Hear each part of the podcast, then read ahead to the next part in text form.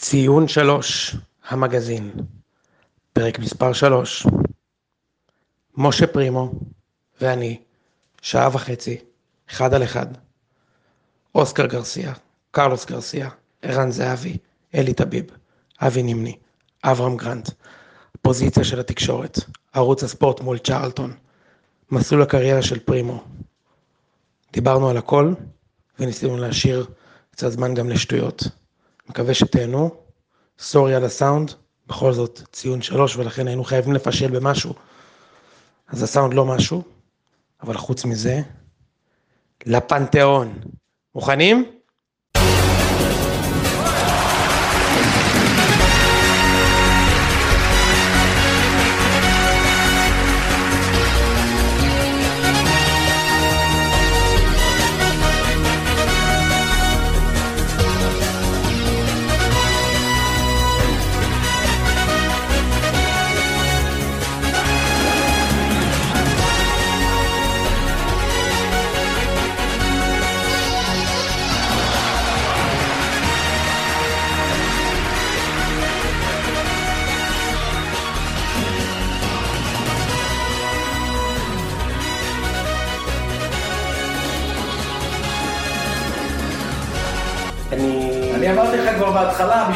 להכיר את פרימו ולשמוע הכל, היית צריך חמש שעות, אבל אנחנו נזרום עם מה שיש. אז, אז אני אגיד לך מה, אה, אתה מעיר לי פה, כי אני חושב שהרבה אנשים, כמה אתה היום? ש- 70? סגרתי 60 לפני שבוע. תשמע, אנשים אומרים לי שאני לא נראה יותר מ-50, אתה בא ודופק לי את ה-70 לפנים, הרגת אותי. אני אגיד לך, אני אגיד לך, בגלל הפרפורמנס שלך בהישרדות, אז הוספתי לך עשר שנים. אוקיי. נשמח לדבר על זה גם. דבר. לא, עכשיו באמת, תשמע, משה, אתה צודק, אתה בן 60, אתה כבר סבא. סבא, אני מדהים. ראשון. יפה. הייתי, הייתי שמח, ש... זאת אומרת, אנחנו מקבלים אותך פה, בן 60, אושיית אה, טלוויזיה, לאחרונה גם אושיית טוויטר, דווקא הייתי רוצה כזה לחזור איתך אחורה. שתספר לי כזה על ה... באמת על המסלול קריירה שלך. כן. אוקיי? ככה, אז קודם כל, שב-14 בנובמבר לפני שבוע שהייתי בן 60, זה היה בדיוק 32 שנה שנכנסתי לתקשורת. וואלה. כל ישראל, זה לא כמו היום, יונתן, אתה יודע, אנשים באים אחרי צבא וזה אומרים אנחנו טובים, מצטרפים. תשמע, אני עברתי שנה בכל ישראל, קריינות, עברית, לשון, עד שאתה לא עובר את כל הקורסים האלה, לא פותחים לך מיקרופון. למרות שדני דבורין היה בטירוף עליי, עשינו קורס 40 איש, מכל ה-40 איש, חצי שנה שלמדנו, הוא לקח רק אותי לרדיו. וואלה. ודני דבורין גייס אותך. דני דבורין, אני חייב לו עכשיו שאני אדבר איתך. הוא בן אדם שראה 40 איש שסיימו קורס, שלף אותי, הוא ועמי פסטן, ושלפו אותי לכל ישראל, שאז כל ישראל זה שירים ושערים, זה מיליון מאזינים, לא הייתה ולא תהיה תוכנית כזאת בעולם, בארץ, זאת אומרת, מבחינת אה, מסכים. האזנה לרדיו, מיליון איש, וככה התחלתי את דרכי. אני אקצר, כי אם אני אגיד לך כל מה שעברתי בקריירה, כי זה באמת ייקח המון המון זמן, ועברתי המון. רק אני אומר לך ככה, לא היה כלי תקשורת במדינת ישראל בספורט שלא פנה אליי. אגב, תוך כדי הפעם... בכלל לא כתבת לפני כן. לא, אני, לא, משדר. אני גם לא אוהב לכתוב. האמת, תן לי לדבר, לא, לא לכתוב, אבל אני כותב. בתוך זה שאני עובד בעיתון הארץ פעמיים בשבוע ברחוב שוקר, איפה אני הולך? אברהם גרנט, מאמן מכבי תל אביב, קריית שלום, מגיע למכבי, עושה מהפכה. הייתי יושב פעמיים בשבוע, בערב, לפני שאני נוסע לעיתון הארץ, יושב עם אברהם גרנט, שמעון קורן זכרו, זכרו לברכה ועמנואל אופיר זכרו, שלושתנו מדברים כדורגל עד הערב, שעתיים. זאת אומרת, שמה למדתי כדורגל, התחלתי עם, אב, עם אברהם בהפועל פתח תקווה, שמחתי מאוד מכבי תל אביב, אתה מבין, זה עיתון הארץ. אחרי עיתון הארץ, כתבת בארץ? כתבתי פעמיים בשבוע כדורגל, אחרי מחזור ולפני מחזור. זאת אומרת, ראשון וחמישי, משהו כזה, ואחרי זה הטריבונה עם אבי רצון. צ'רלטון פונה אליי, שמתחילה את השידורים שלה פעם ראשונה, אני חושב שזה בשנת 2000, קורא לי המנכ"ל, אומר לי, אני רוצה שאתה, אנחנו רוצים שאתה תגיש את אה, שבת של כדורגל, כי זה ארבעה משחקים ברצף, ואתה לפני כל משחק ובמחצית, תעשה את זה עם בחורה, יש לי פה רשימה של בחורות, תבחר אחת מהן שתעבוד. מה? רגע, מה? נתנו לך לבחור? כן, היה להם, היה להם אה, רשימה של בחורות שרצו גבר ואישה שיגישו, אוקיי. נתנו לי רשימה של בחורות, ומי שאני רציתי לא הייתה ברשימה. עצרתי את המנכ"ל, אמרתי לו, תעזוב את הכל, יש רק אחת שיכולה להגיש איתי, זו אופירה אסייג. אוקיי, אז צ'רלטון נתנו לך להגיש שם את שבת כדורגל. כן? אבי רצון לקח אותי לערוץ 10 ל- לטריבונה, זו הייתה התוכנית הראשונה לדעתי, זוכר את זה. אה, התוכנית ש... לדעתי שינתה את פני התוכניות אולפן, כי בעקבותיה באה יציאה העיתונות. כן. הצעקות, שלמה שרף, דן מילאו, פירון, קופמן, אני, אבי רצון שמדליק את כולם, עם קהל שמוחא כפיים ומגיב. זה היה באולפנים בקולנוע שביט, ואבי רצון נתן לי את אה, דריסת הרגל, שם דרך אגב בטריבונה היה לי את אחד הסקופים הכי גדולים בחיים שלי על אה, טוני מה זה, פלומטי. בוודאי, גיליתי שהוא הרבה יותר גדול מהגיל, עכשיו היה סרט גם, והייתי שותף לסרט, שהוא כבר ארבע שנים משחק בהרכב הראשון של אה, נבחרת בנים, לא יכול להיות שהוא בן 14, אתה יודע מה- ואז חתכנו. אתה יודע מה, מה ה- ההישג הכי גדול של הסקופ שלך? שמאז עד היום כל שחקן מה- מהיבשת הזו שמגיע לישראל, כולם מניחים שהוא מגיע יותר בעצם. אגב, אגב, אמציה לבקוביץ', אמר- גם בצחוק וגם לא בצחוק. בדיוק, אמציה לבקוביץ' אמר לי בזמנו, לפני הרבה מאוד שנים, שבאפריקה, בכסף, אתה מוציא מה שאתה רוצה. בן 20, רישיון נהיגה, אה, דרכון, אתה יודע, באפריקה יש די הפקרות בקטע הזה של אה, תעודות ממשלתיות, לכן הוא לא מתפלא שיש, אה, בקרב שחקנים אפריקאים יש בהחלט יכול להיות מצב. אוקיי, אז הטריבונה, אני זוכר שאתה גם תקופה שהיית כותב בוואן. כתבתי בוואן, עשיתי להם את הטוטו שהתחילה אז, כן. איפה, איפה אתה מרגיש שהיה את הרגע הזה בחיים, שאתה פורץ? שאתה אומר, שאתה פורץ, שנת 2009 אוקיי. הייתה השנה הכי מטורפת שלי. יש לך דקה? יש דקה. אני מספר על 2009. 2009, התוכנית של רימו שערים עומדת להתחיל, חודש אוגוסט. אנחנו, כל הצוות של שירים ושערים, ממתינים למנהל הרדיו שיבוא וידריך אותנו מה עושים משבת. נכנס מנהל הרדיו, אנחנו כולם עזב אותי, אני הייתי צעיר. מדבר איתך דני דבורי, גדעון עוד, אנשים כבר 200 שנה ברדיו, יושב, בא עם אוכל כזה בפה, ואומר להם, אין השנה שירים ושערים, אין כסף לרשות השידור, אנחנו מוותרים על שירים ושערים. יפה. אני למחרת בבוקר, קורא בעיתון, אף אחד עוד לא פנה אליי, ג'קי בן זקן רכש את השידורים של הרדיו לרדיו ירושלים, והוא פנה למשה פרימו וזוהיר בהלול שישדרו. אף אחד לא דיבר איתי. אבל זאת הייתה הכותרת בידיעות אחרונות. צלצלו אליי כבר מהרדיו, מה כבר וזה וזה, לא ספרתי אותם. באותו ערב הגיע טלפון ממשה שלונסקי, אתה ואופירה אסייג מגישים את שירים ושערים ברדיו ירושלים, עליתי כל שבת לשירים אה, ושערים בירושלים, עם אופירה, עם האוטו שלה, נסענו, זה הייתה, חודש אחרי זה, אה, עזבתי את דן, בספטמבר 2009 הייתי חבר דן 27. לא, רגע, עצור, עצור, עצור, שנייה, עצור. כל הזמן הזה, שאתה בשירים עד שלך- אלפיים- רגע, רגע, תן לי, תן לי אני. אגיד לך את זה בקולי. עד 2009, כל הסקופים שלי והשידורים, חלקם היו מתוך האוטובוס. נהג אוטובוס. אז כשאני שאלתי אותך על המסלול קריירה שלך, יש ליטרלי מסלול שאתה עובר שם. מסלול תרתי משמע. יש מסלול תרתי משמע. תרתי משמע. באיזה קווים גם? קווים 4 ו-5 הכי חזקים בתל אביב. ואם אני אשאל אותך מה הפספוס הכי גדול בקריירה שלך, תגיד שפספסתי תחנת כצנלסון. לא, לא, 32. לא, לא. איזה כיף.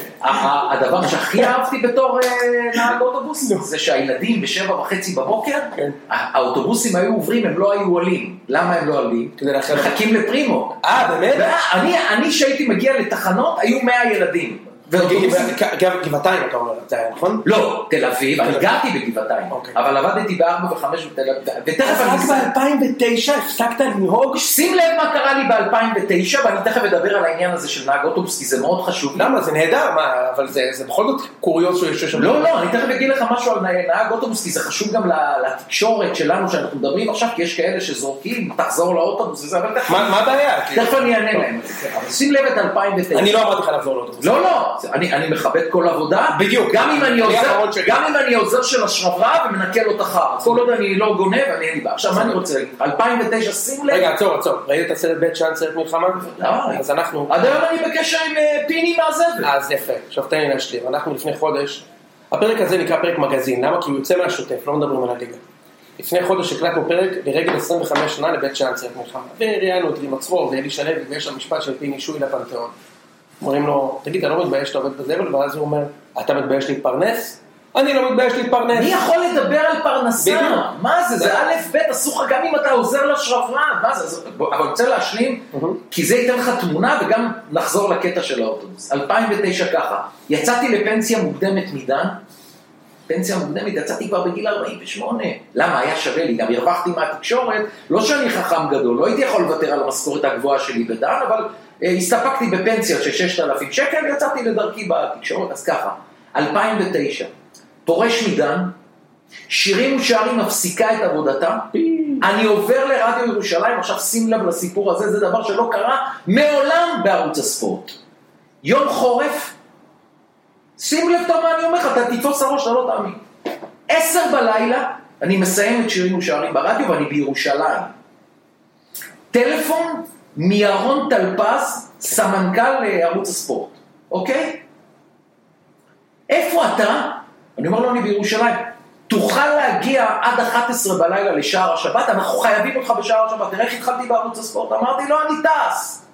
לא יודע כמה אני מרוויח, יום גשום, הייתה לי אז הונדה אקורד, בשנייה אני יכול להגיע ל-200, יורד מירושלים, אז הם שידרו בקרימניצקי בתל אביב, אוקיי, ליד יד אליהו, יורד בעשרה לאחת עשרה, עוד עשר דקות אה, מודי ברון עולה לשידור בשער השבת, מחכים לי בחוץ מנכ"ל ערוץ הספורט אבי בר, סמנכ"ל ירון טלפז, מכינים אותי כזה וזה, שני פושים כאלה לפנים, מפה מתיישב, בחיים לא קרה לי דבר כזה, אני לא מכיר את העורך, לא יודע מה הוא הולך לשאול אותי, אני יודע שהולכים לשדר משחקים, אני יושב לידו, ככה התחלתי בערוץ הספורט, שבוע, שבועיים, שלושה, יושב בשער השבת, בואנה, אף אחד לא מדבר איתי על כסף, מה, אני עושה את זה בחינם?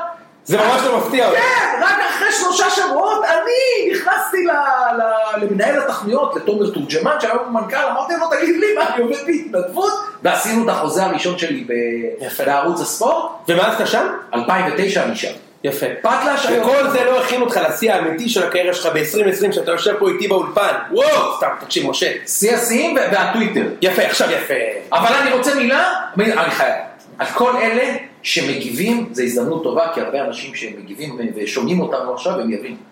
אנשים, קודם כל אמרת, וגם אני אומר, אל תתייחסו לפרנסה. אתם לא יכולים לרדת בחיים, לא על נהג מונית, לא על נהג אוטובוס, לא על נהג משאית. כל אחד שיוצא להתפרנס וקם, אני קמתי 27 שנים בארבע וחצי בבוקר, בזכות זה שאבא שלי, זכרו לברכה, היה חבר דן, בזכותו נכנסתי לדן, בזכותו הגעתי להכל בחיים, בזכות דן ולא בזכות התקשורת. בואו נתקדם. יאללה, אז בואו נתקדם. שמע, אז, אז עשית כזה מסלול כזה שהוא מאוד טרדישיונל, כל ישראל, אחר כך בעיתון, אחר כך בטלוויזיה, ומה שקרה בחצי שנה, שנה האחרונה, הצטרפת לטוויטר, או איך שאנחנו קוראים לזה. זה היה גם כן לא משהו פשוט. כי חודשים על גבי חודשים כולם אמרו לי, אתה חייב, אחד כמוך חייב, כל התותחים של התקשורת שם, אתה חייב, אתה חייב, אתה חייב, לא היה לי פשוט. יפה, אז, אז אנחנו קוראים לזה פה צוויצר, והצטרפת, והפכת מאוד, מאוד פעיל. עכשיו אני רוצה לשתף אותך במשהו, תשמע. אני לא אוהב שאומרים לי שאני מאוד פעיל. פעיל בקטע טוב, מה... לא, לא עניין של טוב או. פעיל. כי, כי אני אחד, שאם יש איזה משהו, כמו שקרה השבוע עם ערן זהבי, אני אוהב להביע את דעתי. בסדר גמור, מה הבעיה להיות מה פעיל? לא, אז מה זה עניין של פעיל יותר, פעיל פחות? אני רואה שם אנשים שכל היום מהבוקר עד הערב מצייצים, אבל לי חשוב לגעת בנקודות המסוימות שאני אוהב לדבר עליהן, ולכן נכנסתי לטוויטר. תקשיב, בוא אני אתן לך פידבק. כן. אוקיי. אני חושב שהדימוי שנוצר לך בטוויטר, השתנה לי ב-180 מעלות. הנה, אני. רגע, אני רוצה לדבר עכשיו, משה, אתה פה אצלי בבית. הוא השתנה מאוד. ראית פעם שדר הלל? בדיוק. אני אישית לא, אני לא שדר, לכן אתה, אתה יכול, אה, אתה יודע, למלא, למלא את כל החדר אה, במילים. אני חושב שזה עשה לך טוב, ותגיד לי, מה אתה חושב שאתה עושה בטוויטר, שגרם ל... אתה בעצמך הגדרת איזה שינוי. מה אתה חושב שאתה עושה בטוויטר שלך? תראה, קודם כל... השאלה היא לא על הטוויטר שלך, כי זה כן, לא כן. מעניין אותי. השאלה היא, למה באת לטוויטר? אני, אני חייב ל... בסדר, ואז נגיע לפודקאסט. קודם כל, אם מתוך 100 האנשים הראשונים, אחרי שנכנסתי לטוויטר, 90 שלחו לי בהודעות אישיות, לא הכרנו פרימו כזה. אתה פרימו שונה לגמרי ממה שאנחנו מכירים, ואז אני עניתי גם לנירה שניידרמן, שהיא חברה מאוד טובה בטוויטר, אמרתי לה, אנשים רואים את פרימו מהטלוויזיה, שלפעמים הוא תוקף, הרי מה קורה שאני תוקף? אם אתה אוהב מכבי תל אביב ואני מבקר את מכבי תל אביב, אתה לא אוהב אותי באותו רגע. או מכבי חיפה, זה לא חשוב, כי אנחנו מדברים רק על כדורגל, לא מעניין אותי דברים במדינה. ואז פתאום בן אדם לטוויטר, שמכירים אותו רק מהפרשנות שלו בטלוויזיה וברדיו, ומראה צדדים אחרים. ואיך אמרתי לך לפני שנכנסנו לשידור? אמרתי לך, אני בן אדם מאוד מאוד אהוב. עזוב את אוהדי הכדורגל, שים אותם בצד שאם אני מבקר אותם הם כועסים עליי. אני יודע מי אני, אני מכיר אותי, אני בן אדם אהוב, אני בחיים לא עשיתי רע לבן אדם, והיה חשוב לי להביא את הפרימו האחר לטוויטר, ואני חושב שאני עושה את זה. יש לי רגישות, יש לי דברים בחיי היום-יום שאני יכול למות מהם. אין בן אדם שפנה אליי ולא עזרתי לו. זאת אומרת, אם תעזוב רגע את, את אוהדי הכדורגל, כמו שנתתי לך את הדוגמה על מכבי תל אביב, אתה מדבר נגדם, אז האוהדים כועסים עליך, כמו תקופת ג'ורדי הגדולה, שעד היום אני חושב שאני צודק ואתם עיוורים, אבל לא חשוב, לא נדבר על זה, אין לנו... איך אתה יודע מה אני חושב? כן, אתה לא יודע מה אני חושב. אבל נמשיך. על, על, על ג'ורדי? תקופת ג'ורדי הייתה תקופה מטורפת עם מכבי תל אביב. קבוצה גדולה, ענקית, שרצה ופתאום יש מישהו, אתה יודע, ג'ורדי אמר לאנשים, מה הוא רוצה ממני? הוא השתגע, הוא פגש אותי פעם אחת במסעדה, הוא תפס את הראש, מה הוא רוצה ממני? הוא- אבל עזוב את זה. אה, הטוויטר, אה, כלי מאוד מאוד מאוד אה, מסוכן לדעתי, מאוד. עכשיו, אני לא מדבר על ציוצים של כדורגל, אני רואה שם דברים, יונתן, תשמע, עזוב אם אני בעד ראש הממשלה או נגד ראש הממשלה, זה בכלל לא, לא חשוב, אני לא בא להציג את הצד הפוליטי שלי. אני רואה מה זה טוויטר, עיתונאים של יום אחד, על המקשים, איך מדברים על ראש הממשלה. תשמע, זה נשגב מבינתי. קשה לי מאוד לקבל את העניין הזה שככה מדברים על ראש הממשלה בישראל. שמע, משה, בוא ניקח, בוא, בוא לא נדבר על פוליטיקה פה, אבל אתה יודע, ממש לא. באיזשהו מקום, טוויטר, פייסבוק, נותן לאנשים, זה נקרא, נקרא לזה דמוקרטיזציה כן. של הדעה. כן. וגם אתה. זה הכל- הכל דעות. משה, תחשוב רגע, אם היה טוויטר לפני 32 שנה, אולי לא היית צריך לחכות 21 שנה כדי להגיע לערוץ הספורט. יכול להיות שהייתי יכול לעשות זה הרבה יותר מהר. הייתי צריך לעבור מסלול הרבה פחות קשה, כי אנשים היו שומעים, בהנחה שהדעה שלך מעניינת. שמע, אני חייב לספר לך, אתה יודע קצת, מעט, אני מניח שאתה יודע ממש מעט, אבל אני, אני בכל זאת אעשה את זה, ואני אני לוקח את השיחה טיפה, טיפה כזה, יותר כזה לעומק, אני אספר לך טיפה למה הוקם העמוד של ציון שלוש, ואחר כך למה הוקם הפודקאסט. על זה אני רוצה לדבר איתך, כי אני שברתי בבטן כל הזמן, אבל חיכיתי שאתה תפנה. תכף, הנה בבקשה, בבקשה, בוא אני אתן לך. קודם כל, נתחיל בזה. זה בדיוק לפני שמונה שנים פחות. אגב, אגב, בדהרת אגב, המחמאה הכי גדולה שלי בעולם שפתחו עליי אה, פייסבוק, זה בכלל לא מעניין אותי מה כותבים שם. פתחו משה פרימו ציון שלוש, הוא מעניין. אני היום הבן אדם הכי מעניין בתקשורת הספורט, זה לא יעזור לאף אחד כלום, ואני אתן לך גם עובדות למה אני אומר את זה. אני, אני, אני אמרתי שאתה לא מעניין. לא, אבל ההתחלה שלכם הייתה בשביל רק לרדת ולהסתלבט אני אספר לך ולבקר. הכל עכשיו. אוקיי, הכל אני אספר לך. אני מכביסט. אוהד מכבי. ברור לי. יפה. יום אחד, אנחנו ב-14 בדצמבר, 18 בדצמבר 2012. אוקיי. מכבי במקום ראשון בליגה, לראשונה אחרי הרבה מאוד שנים שבהם בעיקר הפסדנו, אתה יודע את זה, הפסדנו והפסדנו והפסדנו, יש מאמן חדש, יש סגל חדש, קבוצה מקום ראשון בליגה, נראים בסדר, מ, פער של איזה 11 נקודות על מכבי חיפה, נוסעים למשחק שם בחיפה בדצמבר, מפסידים 1-0 מגול של המאשה, דקה 81. אגב, מאז לא הפסדנו שם, אתה יודע? כן. בזכות הטור שלך, לא הפסדנו שם. מכבי לא מפסידה בחיפה. לא הפסדנו מאז. ואני בצימר בירושלים, יום אחר כך אני קם בבוקר, אתה יודע, אתה, אתה צריך לדמיין את המצב. חופשה בעין כרם, קם בבוקר לקפה, סיגריה מקושקשת, פותח ערוץ הספורט וטור. לא שווה אוסקר, רגע, רגע משה, אני רואה, אני לא מגיב מילה. הוא מת- להם. לא. סובל אותו, הלאה. רגע, רגע, לא שווה אוסקר, מכבי חייבת לפטר את גרסיה, הם פיטרו את איווניר ואת נימני, למה לא את גרסיה? עכשיו, כשאני רואה את זה, תקשיב, הרסת לי את הצימר, למה? לא בגלל ש... אתה יודע, גם כשאיווניר היה מאמן עד מכבי, היום, דרך אגב, הטור הזה, למה גרסיה וכל זה, עד היום הטור הזה זה אחד ה... הוא לקח אליפות, משה! שנים. אבל הוא לקח אליפות באותה שנה. תקשיב, תקשיב, נו. אתה, אתה כמו כל אלה שהיום שמים לי בטוויטר מה אמרתי לפני שלושה לא, אבל... אבל אני לא. מדבר על אותו יום. באותו יום, רגע, באותו יום, משה, הוא היה מקום ראשון בליגה, מכבי היו קבוצה ששנה קודם קיבלו בחיפה 3-0, שמה, ששנתיים קודם, שיניני הלך הביתה אחרי אותו משחק. הוא משחק עם בונקר מטורף וקיבל 3-0, ואז אתה בא ואומר, שמע, חייבים לשלוח אותו, ואני אגיד לך איך אני ראיתי את זה, אני אמרתי, תשמע, הנה, אתה בעצמך אמרת, היית, היית במכבי חזק בשנות ה-90, ישבת עם עמנואל אופיר, זכרו לברכה, איש. יקר אברהם וזה. ואז בא ג'ורדי, או מי שאתה רוצה, משה, סגר, אה, יוסי, סגר את הכל שמה, ואתה אין כניסה לעיתונאי אז רגע, אתה חושב שזה בגלל זה? אה, רגע, בגלל שסגרו אותי אני אה, תקפתי? אני אגיד לך איך זה עבר לי, כן. כן, כן, ואז אמרתי, תשמע, אתה מדבר כאילו אני ישנתי 24-7 בקריית שלום. אנחנו, לא, אבל תקן אותי אם אני טועה, הייתה לך גישה טובה מאוד במכבי תל אביב. הייתה לי גישה טובה לאברהם ולקשטן והם זכו אליפות באליפויות עם הגישה שלי. אלה האנשים שהיו אחרי זה בצוות המקצועי. אני, לא נראה לי שאני טועה, עזוב, אתה לא תחסוך, אבל לא נראה לי שאני טועה.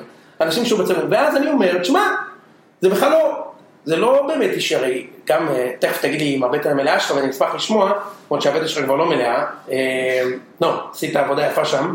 אה, אני מכיר מקרוב אגב את הפרוסס הזה, לא ממני, אבל מאבי. אה, הוא אומר, שמע, הבן אדם הולך, לגמור לי את הקבוצה, אני סוף סוף הולך לקחת אליפות, הוא מקבל ראשית, מלכלך על המאמן שהוא מקום ראשון, ניני לא היה מקום ראשון אף פעם, גם לא איווניר, ואתה אמרת שהם אותו דבר, ואני עכשיו נפתח עמוד, ונקרא לעמוד הזה משה פרימו ציון שלוש, ואנחנו נשחט אותו. יפה. ושחטנו אותך. אני, מה זה שחטנו? אני הייתי, אני, לא הייתי מחובר לפייסבוק, אבל כל פעם שהייתם יורדים עליי, אז אתה מכיר את האנשים הנחמדים, ישר אתה מקבל את זה. טוב מאוד, איך אמרת, מה זה, יפה, ושחטנו אותך. אבל לא, אני, ככה איך אני רואה את זה מהצד שלי, זה היה מאוד ארסי, אבל זה מעולם, אתה יכול לבדוק, מעולם לא היה פרסונלי על שום משהו מעבר למה שאתה לא אומר. נכון, זה לא נכון. שלחו לי- פעמים שאתם אה, תבדוק. עליי כחץ. אבל, אבל, עליי. עליך, אבל לא, לא עליך כבן אדם, עליך כפר, כפרשן. כן, כן, על זה בוודאי. זה כן. בוודאי. לא, אבל מעולם לא, מעולם לא... אה, אבל אין לי... אני בתור מי שחתום על 100% מהפוסטים שם, למרות שהיו חברים שם. יונתן, תקשיב. מעולם לא היה משהו שהוא לא על הדברים שאתה אמרת על הכדורגל. מחמאה בשבילי שפתחתם אה, קיר פייסבוק כן. שנקרא משה פרימו ציון שלוש. יפה. קודם כל, לפני כל הסטלבט, צדק, לא צדק, אוסקר גרסיה, לא אוסקר גרסיה, פתחתם על מישהו מעניין, אוקיי? יש היום עיתונאים שכותבים 20 שנה ומדברים 20 שנה, אף אחד לא זוכר מילה אחרי יום מה הם אמרו. אז אתה חייב לי את זה. אה, לא, הייתי כבר טוב לפני. לא, אבל אנחנו- הדדנו. אבל אני אספר לך ואני אעבור איתך לסיפור יותר גדול. עזוב אוסקר גרסיה, זה כסף קטן. אוסקר גרסיה זה, אני מדבר על קרלוס גרסיה. או, בוא נדבר. עכשיו, רגע, רגע, לא, לא, לא. אני אתן את ההקדמה, אתה תשאל אותי הכל. יצאתי אהבל, יצאתי מטומטם, לא עשיתי עבודה של עיתונאי. אוקיי, טעות גדולה מאוד, היו לי שתי טעויות בחיים, זאת הראשונה, אחר כך נדבר על השנייה. ב-32 שנה תסכים איתי ששתי טעויות זה, זה כלום, זה צ'יפס. מסכים. לגבי אוסקר גרסיה, טעות גדולה, לא מנסה לתרץ את זה.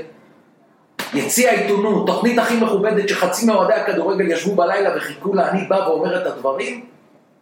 אגיד לך משהו ש- שאתה לא תאמין עוד מעט מה שאני אומר. ולמחרת, עזוב את הזבל ששלח לך וזה, מה אני הרגשתי? מה אני הרגשתי? עזוב. אני לא שלחתי לך את ההודעה, אתה יודע. אני יודע אני שזה רק לא- פרסמתי. אני יודע, יש לי את הטלפון, אני ידעתי מי זה, זה אחד שהיה מתקדם איתי, עזוב. אני עשיתי טעות, כל התקשורת אחריי, אח- למחרת הכל. מה שאני רוצה להגיד לך, יונתן, זה בסדר שתקפתם וביקרתם. בסדר גמור, כי יש פה עיתונאי מפורסם והציע עיתונות שעשה טעות חייו. אתם רקדתם על הדם. אתם, השמחה לאיד שלכם הגיעה מפה עד בגדד. עכשיו, אני לא מצפה שתהיו לי, אבל הרגשתי שכל מי שמתעסק בזה, אורגזמה. עם שרון סטון באותו לילה במיטה לא הייתם מרגישים מה שהרגשתי. אל תגזים. אל אני תגזים. לא מגזים. על שרון סטון, דווקא עליה. אה, איך הייתה ידעת? יפה בעולם. איך ידעת? נכון, אני גם חושב את זה. אני חושב שהייתה הבחורה הכי הכי יפה בעולם. הישג בסיסי. הישג בסיסי. אין יותר מזה. אין, אין, זה השיא. אני ואתם הרגשתם בדיוק כמו שהייתם. אתה רוצה שאני אחדש לך. משהו שאתה לא יודע? כן. יופי. אני פרסמתי את זה, ואני שמחתי לי איתך. ואז התקשרו אליי מהצינור, אתה היית בצינור באותו יום, אתה היית בצינור, הייתי בצינור, באו לראיין אותי מרדיו ללא הפסקה. וגם את סחבק רצו, ואני אמרתי מספיק. אתה מאמין? אני לא יודע מזה. אני יודע מזה. אז אני לא יודע. מה, רצו לאמת אותנו כאילו? כן, או לאמת, אני לא יודע אם היה לאמת. או לאמת, או, אה, אתה יודע, לתת לך עכשיו שאתה- אני רוצה אני. אמרתי מספיק. עכשיו, יונתן, טוב שאתה מולי ואנחנו פותחים הכל, אמרנו אוסקר גרסיה, יצאתי טיפש, לא עשיתי עבודה טובה, ירדתם עליי, הרגתם אותי ואתם זוכרים לי את זה ולגרעון עולם. בגלל שהוא לקח אליפות. עכשיו אני אומר לך, בוא נעשה משהו 180 מעלות. קדימה. יושב מולך בן אדם, שבעשור האחרון הביא את הסקופ הכי גדול בכדורגל הישראלי. כל השטויות האלה, טל בן חיים, שועה מועה, לא. מה, אתה על ערן זהבי? תקשיב טוב, אני אגיד לך למה הסקופ הזה הכי גדול בעשור האחרון, אני אסביר לך גם למה בתור עיתונאי. כשאני קיבלתי את הסקופ פרסמתי, אני זוכר מאיר איינשטיין הגדול, דיברנו עליו. אני זוכר זהבי הציע את אולו גם ב- ב- בשבת. ביציע. את את. ערן זהבי מספר אחרי זה, שפתאום ב-11 בלילה, אבל הבנתי שאתה גלגלת את זה בכלל. מה זאת אומרת? זאת אומרת, אני הבנתי, תקן אותי אם אני אל תנסה לקלקל את הסקופ. לא, קודם כל, רגע שנייה, תקשיב, משה, אתה לא צריך לשבת פה מולי, יש לך קריירה של 30 שנה, אתה לא עניין חייב, של סקופים. אתה לא חייב לי כלום, כן. אתה לא חייב למאזינים כלום, אז תהיה רגוע, אוקיי. אוקיי? אתה לא צריך להסביר לי מה לא, זה לא עניין של חייב, אבל אני רוצה שהמאזין ששומע אותנו עכשיו ידע את הכל, אני הייתי תחת הראש, אם אתה רוצה לדבר דקה על הסקופ של זהבי, אני- רגע, מי שלא מכיר, אה, דצמבר או נובמבר 2012, פרימו מפרסם בשבת ביציע בשידור חי שזהבי מגיע למכבי. אני הבנתי שבגלל הפרסום שלו בכלל הגיע למכבי. זאת אומרת, לא. שאתה גלגלת את זה, איך? וגרמת לזה לקרות, כאילו זה- פתאום זהבי מה? חשב על זה, תבין היה איזה אתה משהו. יודע מה אני פרסמתי? למה זה לא יכול להיות מה שאתה אומר? כי אני פרסמתי שג'ורדי בפלרמו סגר איתו את הכל. עכשיו, מה, אני, מה מצחיק אותי פה? למה זה סקופ ענק? אתה יודע מה קרה בימים אחרי זה? קודם כל, באותו יום ב-11 בלילה, זהבי מספר לחברים שלו, פתאום ב-11 בלילה, יותר מאלפיים וואטסאפים באותה שנייה, הוא הבין שקרה משהו. אוהדי מכבי והפועל, אתה יודע, כמובן שלחו לו וואטסאפים. למה אני, למה אני אומר לך שזה סקופ ענק? אתה יודע מה קרה בימים שאחרי זה? עד שהוא חתם? בכל הערוצים, בכל התחנות. ניסו לגמד את זה. גולדה לא ישלם לו, זה עדיין לא סגור. הקהל לא ירצה. הקהל אולי לא ירצה, הפועל נכנסה לתמונה עם אנשי עסקים, כן. כל מיני, ואני יושב בבית, מגרד את הביצים בצחוק עם סיגריה, ואני אומר, חבר'ה, ערן זהבי ומכבי, מה אתם, כל, כל הקולגות, מה אתם מקשקשים? עכשיו, תקשיב, זה סקופ, אני, אני, למה אני לא מזכיר לך את הסקופים הענקיים ענקיים שהיו לי פעם בכדורגל? כי השתנה משהו בשנת 2000, מאז שיש את האינטרנט ופייסבוק וכל הדברים האלה, הדברים שקורים היום, לא לוקח להם הרבה זמן להגיע לחשות. זאת אומרת, כאן הסקופ היה, שי, כן, כן הייתה תקופת הוואטסאפ, כן כל הדברים האלה, וכשאני נתתי את הסקופים הענקיים ב- בכל ישראל, אני הייתי לבד. זאת אומרת, גם אם אתה בתור עיתון ידיעות אחרונות, היה לך את הסקופ, היית צריך לחכות למחרת בבוקר שיתפרסם, אבל יש בדרך את פרימו, ברשת ב' ברבע לשבע, מספר לי אבינועם פורת, אחד מגדולי עיתונאי הספורט של ידיעות אחרונות, הוא אומר, פרימו, תקשיב, שדני דבורין ברבע לשבע ברשת ב' היה אומר, עכשיו נכנס לאולפן כתבנו משה פרימו, כל הדסק של הספורט, דממה, כאילו כולם מתו. ידעו שאני הולך להביא סקופ להקדים אותם. אתה יודע ש... לא, לא, עכשיו אני נותן לך סקופ שהרבה אנשים לא יודעים. במשך שנתיים הייתי כתב סמוי של ידיעות ספורט, שהייתה, שהיו קוראים אותה מיליון. קרא לי אה, מנהל אה, הספורט של ידיעות אחרונות, אמיר אפרת, אומר לי, אין, אתה סקופניק מספר אחד במדינה, ישבנו בבית קפה בכיכר המדינה, סגרתי איתו, שתבין שהייתי, היית קם בבוקר. שנה? שנתיים. לא, איזה שנה זה היה? וואו, אתה לא זוכר? וואו, אברהם שימן את מכבי. כן. אלפיים. בקדנציה השנייה? 2000, 2001, מה משהו שאני רוצה כזה. להגיד לך, טוב, תשלים. אני רק משלים שעיתונאים של ידיעות אחרונות מפורסמים היו קמים- קמים בבוקר ורואים ידיעה ענקית עם השם שלהם. אז הם היו מתקשרים לאמיר אפרת, אומרים לו, מאיפה הבאת את הסקופ הזה? אז אמיר אמר להם, קיבלתי את זה בדקה ה-90, לא רציתי להעיר אתכם, כתבתי את זה, אני עכשיו, כל השנתיים האלה אני מקבל כסף מידיעות אחרונות, פי שניים מכל ישראל, שבכל ישראל אני עובד כל יום, ולהם אני רק כתב הסמוי שלהם. שמע, תבין לאיזה רמה אני הגעתי. אז קודם כל, בוא נשים סטופ לנושא של הסקופ. נגיד, זה זהו, לא נגיד יותר מילה סקופ, השיחה נגיד לך כמה דברים. קודם כל, אני זוכר לאמיר אפרת, אתה זוכר דברים נהדרים, אני זוכר לאמיר אפרת את הפספוס של הסקופ הכי גדול בתולדות הכדורגל הישראלי, ואתה יודע על מה. אופיר אסיה? מה פתאום? על מה? נערות הליווי! אני הייתי במעריב באותו זמן. אבל היה להם יותר גרוע, לא יותר גרוע, אבל היה להם של סיסם במעריב, אתה יודע מה היה הסיפור שם? אתה יודע מה הסיפור? אתה מכיר את הסיפור של אני מכיר שמעריב, אמיר אה, אה, עברון פרסם את זה, אה, זה, וזה לא היה שלושה ימים במעריב. מעריב פרסמו את זה ראשונים. נכון, סקופ של מעריב, על כל הדף. כי מצאו את האמצעי ההגנה בתוך הפח, בתוך הפח אשפה של המלון החדרנית מצאה. והתקשרה לידיעות, ולא ענו, והתקשרה למעריב, ומעריב פרסם. זה הסיפור. זה הסיפור כמו שאני מכיר אותו כילד. ואני, אתה יודע שאני, אתה יודע שאני, אני שמעתי כן. של... אה, אני מכיר את הסיפור הזה. שכחתי את השם הפרטי של עברון, שהיה עורך מדור הספורט של מעריב, הוא היה איתי בחוץ אמיר, אמיר. עברון? כן. לא, לא אמיר עברון, איך קראו לו? עברון, נו, נו, נו. לא, לא, לא. לא חשוב. פדיחה. עוד מעט נמצא את השם, ניתן לו את כל הקרדיט. אביב עברון. אביב עברון. כן. אגב, הוא היה איתי באיסלנד פעם ראשונה שכל ישראל שלח אותי לחוץ כן, לארץ, אביב עברון. ב-97 עם נבחרת הנוער, היה איתי בחוץ לארץ. זה היה הסקופ של אה, אביב עברון. כן. ועד כמה שאני מבין, שחקן נבחרת ישראל התקשר לאביב עברון. לא עשי... אני לא שולל את מה שאמרת. יכול להיות, כן, אנחנו מדברים על המון המון שנים אחורה, 99, אתה יודע, עכשיו להוציא... אני מכיר יחד, אבל תקשיב, לא חשוב. היום מאוד קשה להוציא סקופים, למה? כי אני מפרסם, אני כמובן לא, אבל אתה מפרסם סקופ, חמש דקות אחרי זה מופיע בוויינט פרסום ראשון, בוואן פרסום אני לא ראשון. מתייחס לפרסום ראשון, אני מסתלבט על אלה שכותבים פרסום ראשון. יפה, אז יפה, אז, אז שמע, אמ, אז כן, קראנו לזה משה פרימו, אני חוזר, קראנו לזה משה פרימו ציון שלוש, אחרי שנתיים אמרנו, טוב יאללה, נשחרר את הבן אדם, נקרא לזה רק ציון שלוש. נכון. אמ, ואני אגיד לך מה, אני, אני, אני, אני, מבחינתנו, בשנתיים הראשונות, מבחינתי, מה זה מבחינתי, זה אני וחבר היינו, אתה היית כאילו הסמן הימני ל... למשהו מבאס, אוקיי? למשהו מבאס, כי אין שום- בכללי או רק על מכבי תל אביב? אה, אני חייב להגיד שלקחתם את זה ללב כאוהדים. לא, הפוזיציה שלי פיור, צריך לומר כאילו פיור מכבי תל אביב, אבל אתה יודע, היה לך גם טאקלים עם עוד אנשים, שם מכבי חיפה וכאלה, אני חייב להגיד שהפוזיציה שלי הייתה פיור מכבי, וכאילו מה שאני אגיד לך מה הפריע לי. זה מפריע לי עד היום, ועכשיו אני רוצה לדבר איתך באמת על מה, מה הבעיה שלי. אמ, הבעיה שלי זה כאילו העמימות בפוזיציה. זאת אומרת, אני אסביר לכם מה אני מתכוון. אנחנו הקמנו פה את הפודקאסט הדבילי הזה לפני ארבע וחצי שנים, הקמנו אותם ראם שרמן שהוא אוהד הפועל באר שבע, וזה אתה פה במשרד שלו. עכשיו הם הכי שונאים אותי באר שבע, אבל עוד מעט הם יבינו שהם עיוורים, שאני אמרתי להם ראשון שצריך לשחרר את ג'וסווה. הלאה, אם תרצה לדבר על זה אחרי זה. ואני. ואנחנו הקמנו את זה ואמרנו, שמע, בוא נעשה משהו, אנחנו לא מתחרים, זה כמו קונטרה כזה, אוקיי, אנחנו לא יכולים להתחרות, זה גם לא עבודה שלנו, כל אחד מאיתנו עושה משהו אחר לגמרי, לא, בטח לא מקבלים על זה כסף, לא, שיר התחביב.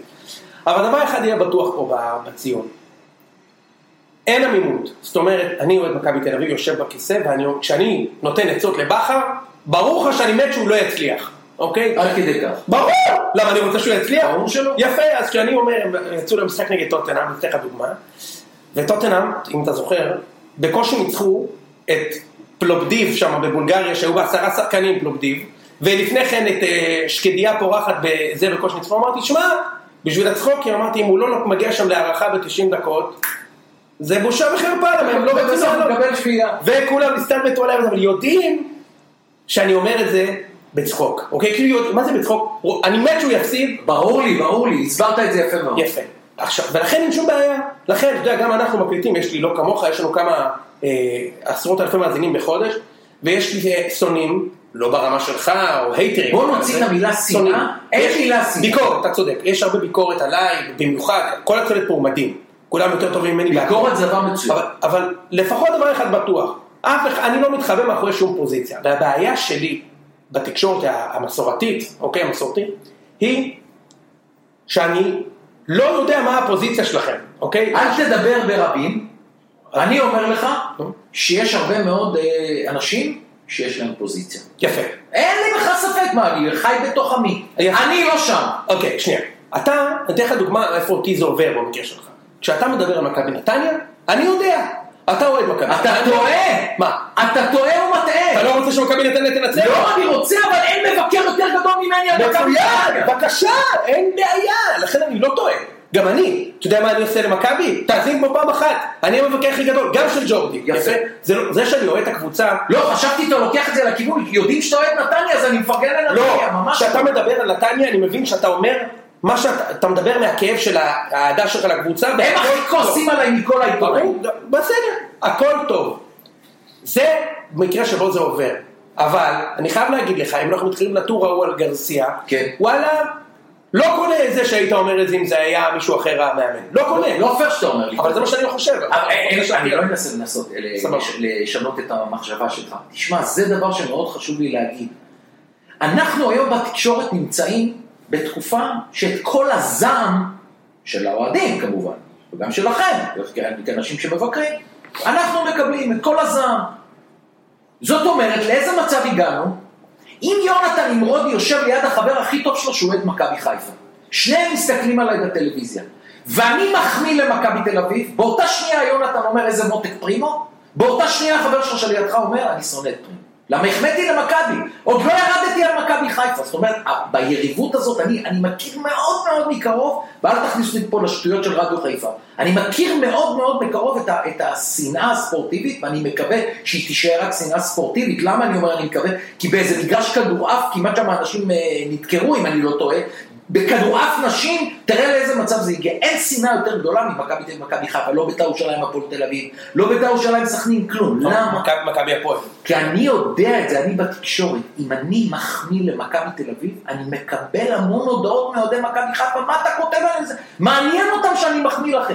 שאני החמאתי למכבי חיפה בתחילת השנה, אוהדי מכבי, מה אתה עושה מהם וזה וזה, כועסים עליי. זאת אומרת, הם לא מסתכלים רק מה אני אומר על הקבוצה שלהם, הם אפילו כועסים על זה שאני מדבר על, על אה, מישהו אחר. זאת אומרת, אנחנו בתקשורת פה בתקופה אחרת, זאת אומרת, גם אמנון אברמוביץ' הגדול, שאני מאוד מחזיק ממנו, שהוא מדבר, אנחנו במדינת החצי חצי. חצי מאוד אוהבים את מה שהוא אומר, חצי מאוד לא אוהבים. אני מקווה שאני לא אגיע ל... מה אתה מעדיף? אתה מעדיף להיות כזה שלא אומר כלום בעצם? איזה, אני- אני אחד שלא אומר כלום, אני, אני- הפה שלי מדבר מהאגף. עכשיו אני אומר דבר כזה, תשמע.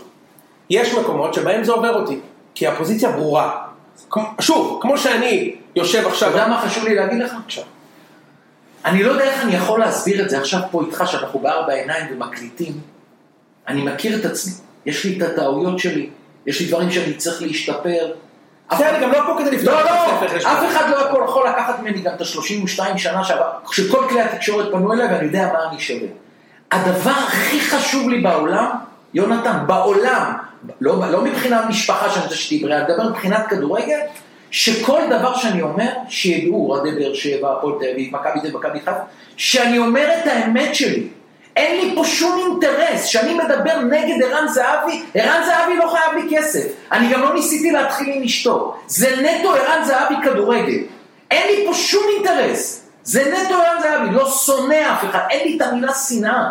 אין, גם אנשים שאומרים לי, שונאים אותך, אני בטוח שלא שונאים אותי, למה? אני בשביל לשנוא אותי צריך לפגוע במישהו, במשפחתו. אני עושה את העבודה העיתונאית שלי.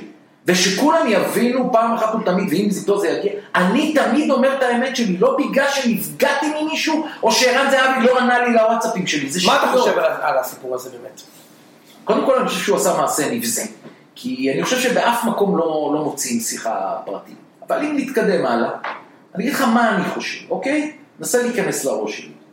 ערן זהבי משחק בהולנד, משחק לא טוב, מוחלף, הקבוצה שלו לא מנצחת והוא מחמיץ פנדל. איך הוא הרגיש באותו יום? חרא. הכי גרוע ששחקן יכול להרגיש, בטח שחקן עם אגו עם זה, כמו זהבי, לא ניצח, החמיץ פנדל, ולמחרת בבוקר התקשורת, מה זה גוזרת אותו? בהולנד, לא פה. כן. דואג לעצמו, לא מספיק טוב. עכשיו, שתבין מה קרה פה, הבן אדם היה גמור מהמשחק שלו ומהביקורת עליו, ואז פתאום שלחו לו מהארץ. מה פרימו כתב עליו? אתה הבנת? על מי הוא הוציא את כל ה... קישקע מהבטן זה? עליי. הוא לא יכול להוציא את זה שם על הולנדי, כי אף אחד לא סופר אותו שם. שמע. אנחנו בישראל. שמע. ואז הוא מוציא הודעת וואטסאפ ששלחתי לו. עכשיו אני אומר לכולם, אנשים לא הבינו את זה, לקחו את זה למקומות לא נכונים, אמרו לי אתה סטייק, אתה כתבת עליו ככה וכתבת, לא! כי כל הזמן אני אומר שערן זהבי שחקן גדול. אבל בין שחקן גדול לבין להגיד עליו שהוא דואג לעצמו, מי שלא ראה את המשחקים. בסין ונבחרת ישראל, ואומר שזהבי לא דואג לעצמו, אז אנחנו רואים משחקים שונים. בסדר, אבל משה, אתה, בחירת המילים שלך כתבת, אגב, אל תחשוב שאני מה שכתבתי עליו, אליו, כתב- כתבת לא, אתה פנומן, אתה. פנומן, שחקן גדול, חג שמח, הכל. יפה.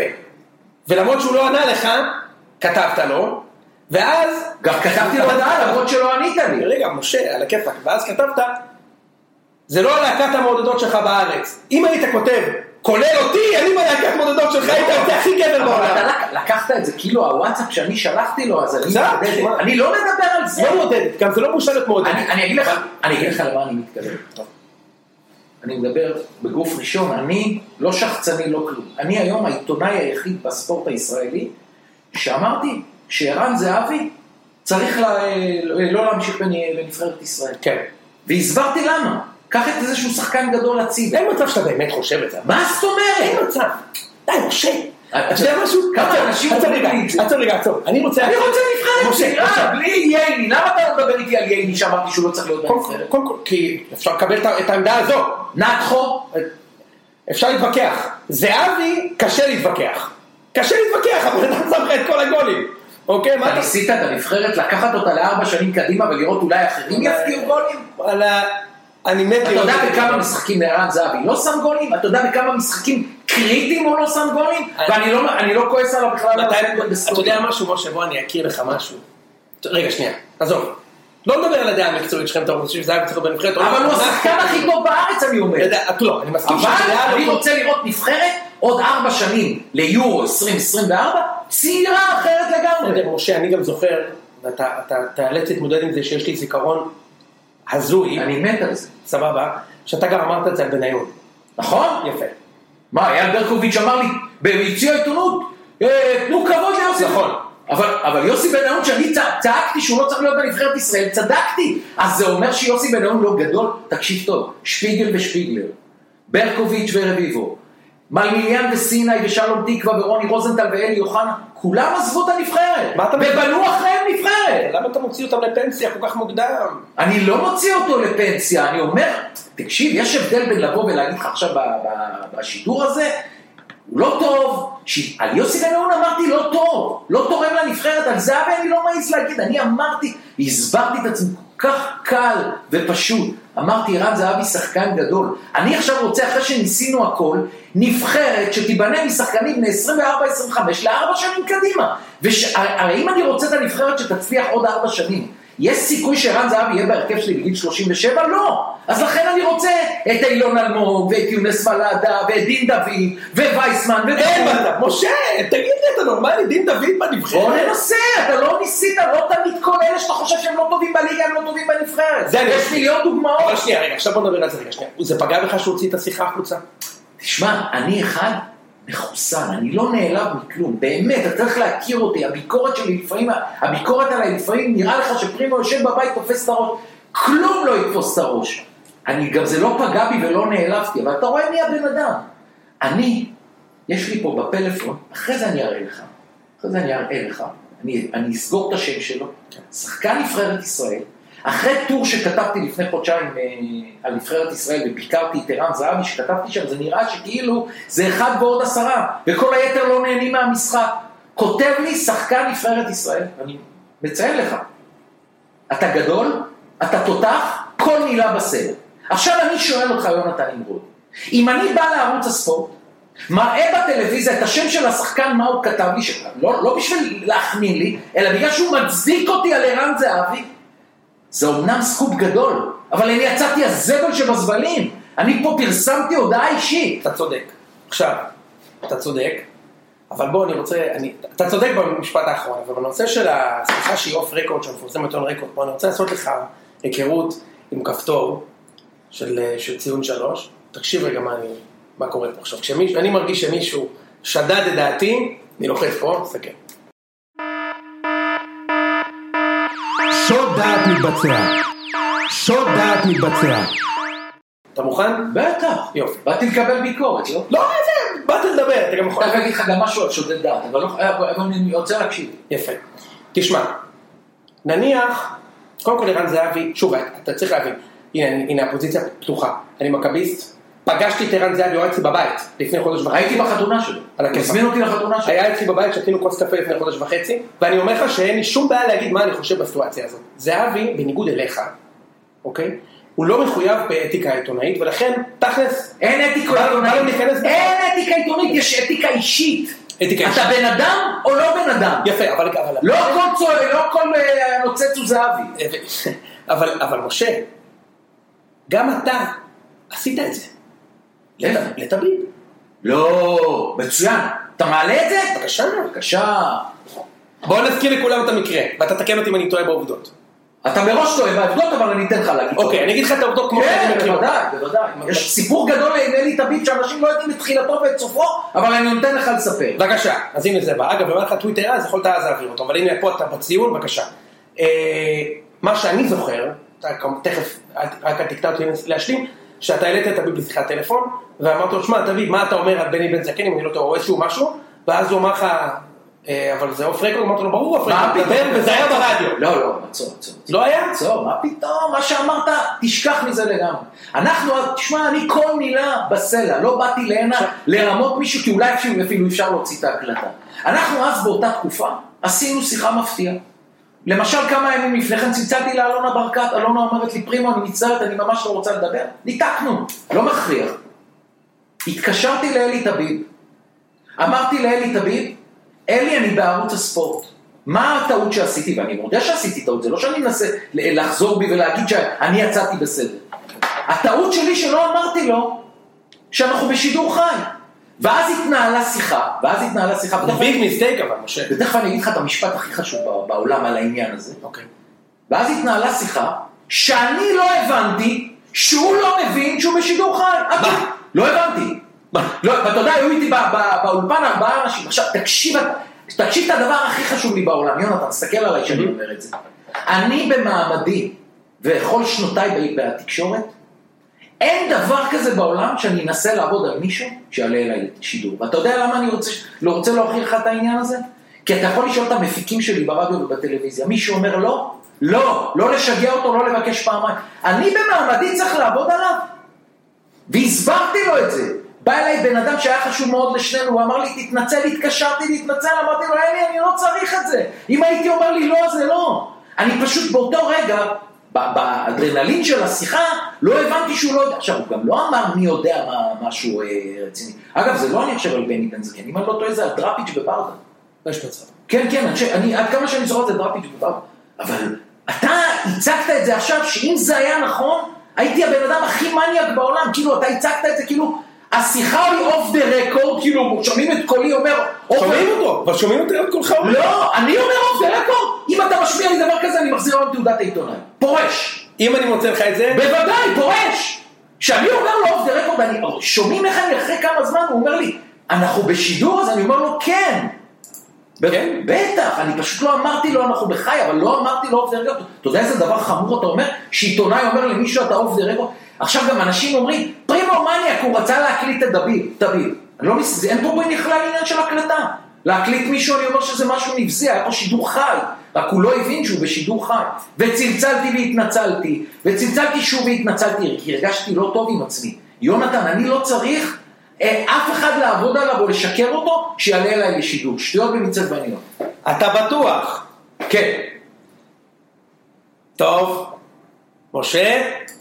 יכול להיות שיהיה ריקושט על הדבר הזה, אבל לא בפגישה. אין סרט כזה שאמרתי למישהו, אתה באוף אוף רקורד והוא שודר. אני חוזר איתך גם לנושא של העמימות בפוזיציה, סבבה? זה, זה, זו הסיבה, אם אתה רוצה להבין את, ה, את האוריג'ין, כאילו את הסיבה המקורית לזה שאני, תשמע, יש לי עבודה, יש לי דיי ג'וב. גם לראם וגם כל החבר'ה שמקליטים פה, אחד מהם זה איציק שש, אתה מכיר את שש? אה, אני מת על כולנו עושים דברים אחרים, כן, הולכים להצליק שש. בן אדם קטן אבל. כולנו עושים את זה פה מתשוקה. אנחנו ממש אוהבים כדורגל ישראלי. ברור, מי שמתיישב פה ארבעה סביב שולחן, זה כמו הפרלמנטים של יפה, זה כולם בטירוף. והסיבה שאנחנו עושים את זה בכזאת תשוקה, היא באיזשהו מקום, יכול להגיד לך לפחות במקרה שלי, שיש לי חסך מלקבל את זה מה-traditional media, אוקיי? יש לי בעיה, אני אתן לך דוגמה, אתה לא חייב להשאיר בגופו של אדם, אבל אני הולך לדבר עכשיו, אוקיי? כשאני יושב... לא, אני באתי לפה בהחלטה שאני לא מדבר על, אה, על קולגות שלי. אל תגיד, אל תדבר, אני מדבר. אוקיי. אבל אתה שומע. כן. אל תגיד כלום, בסדר? כשאני יושב ואני רואה אה, את שער השבת, אחרי שבני יהודה מנצח את ביתר 1-0, יושב שם אייל ברקוביץ', בוני ורז זהבי. לפחות כשאייל ברקוביץ' מדבר, אני יודע למה הוא מדבר ככה, כי זה אחיו. אז מבחינתי זה הפוזיציה, כמו שאתה אוהד מכבי נתניה ואני אוהד מכבי תל אביב. אני לא מצליח להבין, אל תגיב, אם אתה לא רוצה. למה רז זהבי כל כך דוחף את ניר ברקוביץ'? למה הוא החליט שהוא המאמן הבא של ביתר? למה הוא החליט שהוא אחד המאמנים הטובים? זאת אומרת, על בסיס מה הוא החליט שהוא המאמן הבא של ביתר? איזה, איזה פוזיציה יש פה? מה האינטרס פה? הרי ניר ברקוביץ' לא עשה יותר בכדורגל הישראלי מבני בן זקן למשל, סתם ממציא, אבל זה נכון, אוקיי? או, או בטח לא יותר ממאמנים אחרים פה, חיים סיבס, קובי רפואה, שרון מימר, קורצקי, יובל נעים, לפי, על בסיס מה הוא אומר את זה? לי קשה עם הפוזיציה. דבר שני, אז מבחינתי צריך להיות, אני אומר לך, אני הייתי חושב שכתוב למעלה, רז זהבי חבר טוב של ניר ברקוביץ', סבבה, עכשיו תגיד מה שאתה רוצה. כמו שיהיה כתוב, אני, בת זוג שקוראים ענבל, אני מדבר על ענבל, הם אומרים, יונתן מאוהב באשתו. סבבה, אחי, מאוהב באשתו. אז אמר, מבינים. יפה, עכשיו אותו דבר ניקח את זהבי נימני.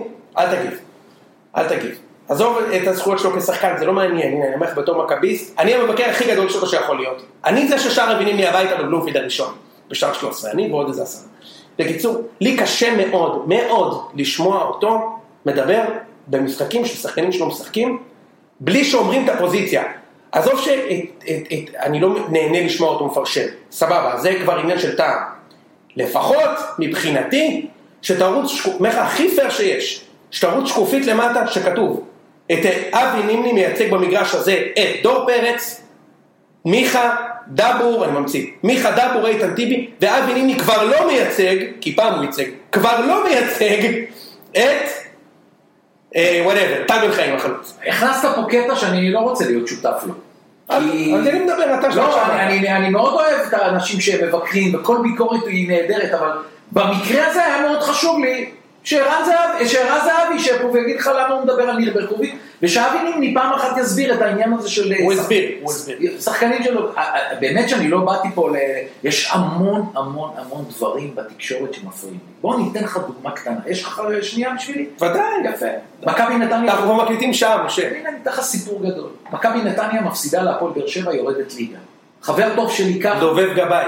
דובב גבאי. סיראז' נסאר. אגב, איפה סיראז' נסאר? מה זה הגול הזה שהוא נתן לכם? הוא נסע לאיזה מדינה לשחק, חזר, לא, אין לי מושג. עשו לנו בית ספר, 3-0, הורידו אותנו ליגה, אתה יכול להבין איך מרגיש כל אוהד של נתניה, ובטח אנשי המקצוע, ומי חבר טוב שלי במכבי נתניה? זה קובי בלדב. קובי בלדב אז היה מנכ"ל, אבל מנכ"ל זה כמו בעלים אז, כי לא היה בעלים, הם קבעו הכול. ואני אמרתי, אחרי שקבוצה שיורדת ליגה, כמה ימים אני לא מדבר עם קובי, אני יכול להבין שהוא יכול עכשיו להרוג מישהו, קבוצה ירדה ליגה, אז בואנה, זה מכה. כן. תקשיב טוב, למחרת, חמש אחרי הצהריים, על הצג, טלפון, מי על הצג? קובי בלדב. הוא מתקשר אליי, אני פחדתי. אתם לא קרובים, אתם קרובים תבואו, לא? לא, חברים, חברים שנים. כן, כן. הוא על הצג, ואז הוא עושה לי ככה, תקשיב, מה אתה אומר על יוסי מזרחי? אז אני אומר לו, קובי, ירדנו ליגה, הוא אומר לי, תקשיב, אה, הוא העלה אתכם ליגה אחר כך, מזרחי. תקשיב, תשמע סיפור עיתונאי, אני נותן לך את הדוגמה העיתונאית, שתבין מה קורה בתקשורת. ואז הוא אומר לי, מה אתה אומר על יוסי מזרחי? אני אומר לו, תגיד לי, איזה יוסי מזרחי, ירדנו ליגה, הוא, הוא לא יסכים לבוא לאמן בליגה הלאומית. הוא אומר לי, פרימו, סגרתי איתו, מה אתה, מה אתה אומר? אמרתי לו, סגור איתו, מאמן אחרי מנוסה, יעלה אותנו שנה הבאה ליגה. מה עשיתי? סיים את השיחה, קובי אומר לי, כמובן, אל תדבר עם אף אחד, אני מרים טלפון ליוסי מזרחי, אמרתי לו, יוסי, זה בינינו, רק אני, אתה וקובי יודעים מזה?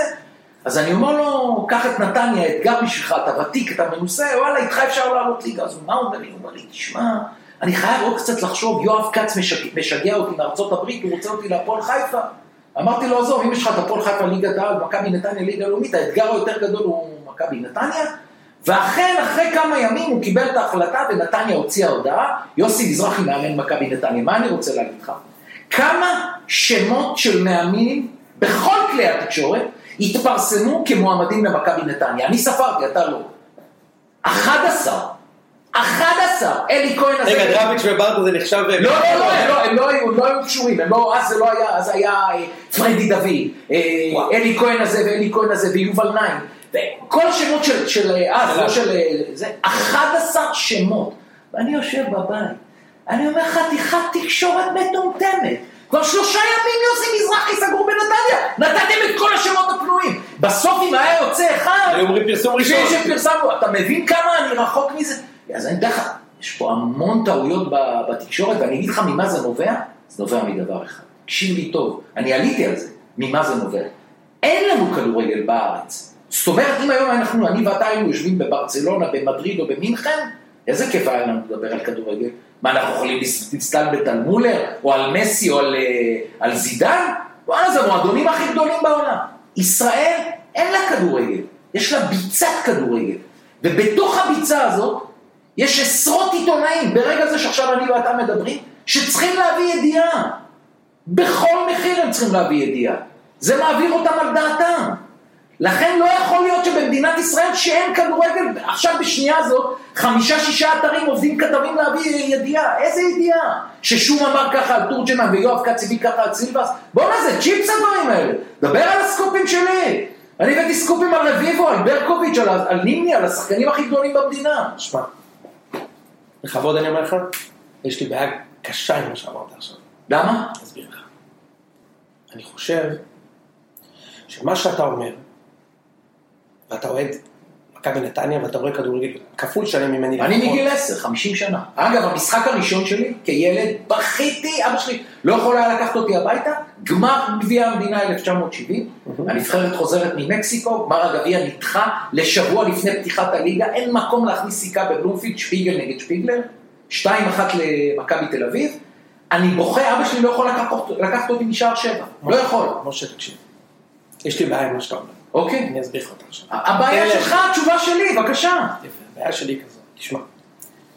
זה שרמת הכדורגל פה היא לא מהמשובחות, זה אתה, זה אני מסכים. אגב, בעיניי אף פעם לא הייתה טובה, יש לכולם זיכרון נורא... לא חושב- אני חושב שהייתה לנו פה רמת כדורגל טובה. על הכיפאק, בסדר, זה עניין של... לא ראית.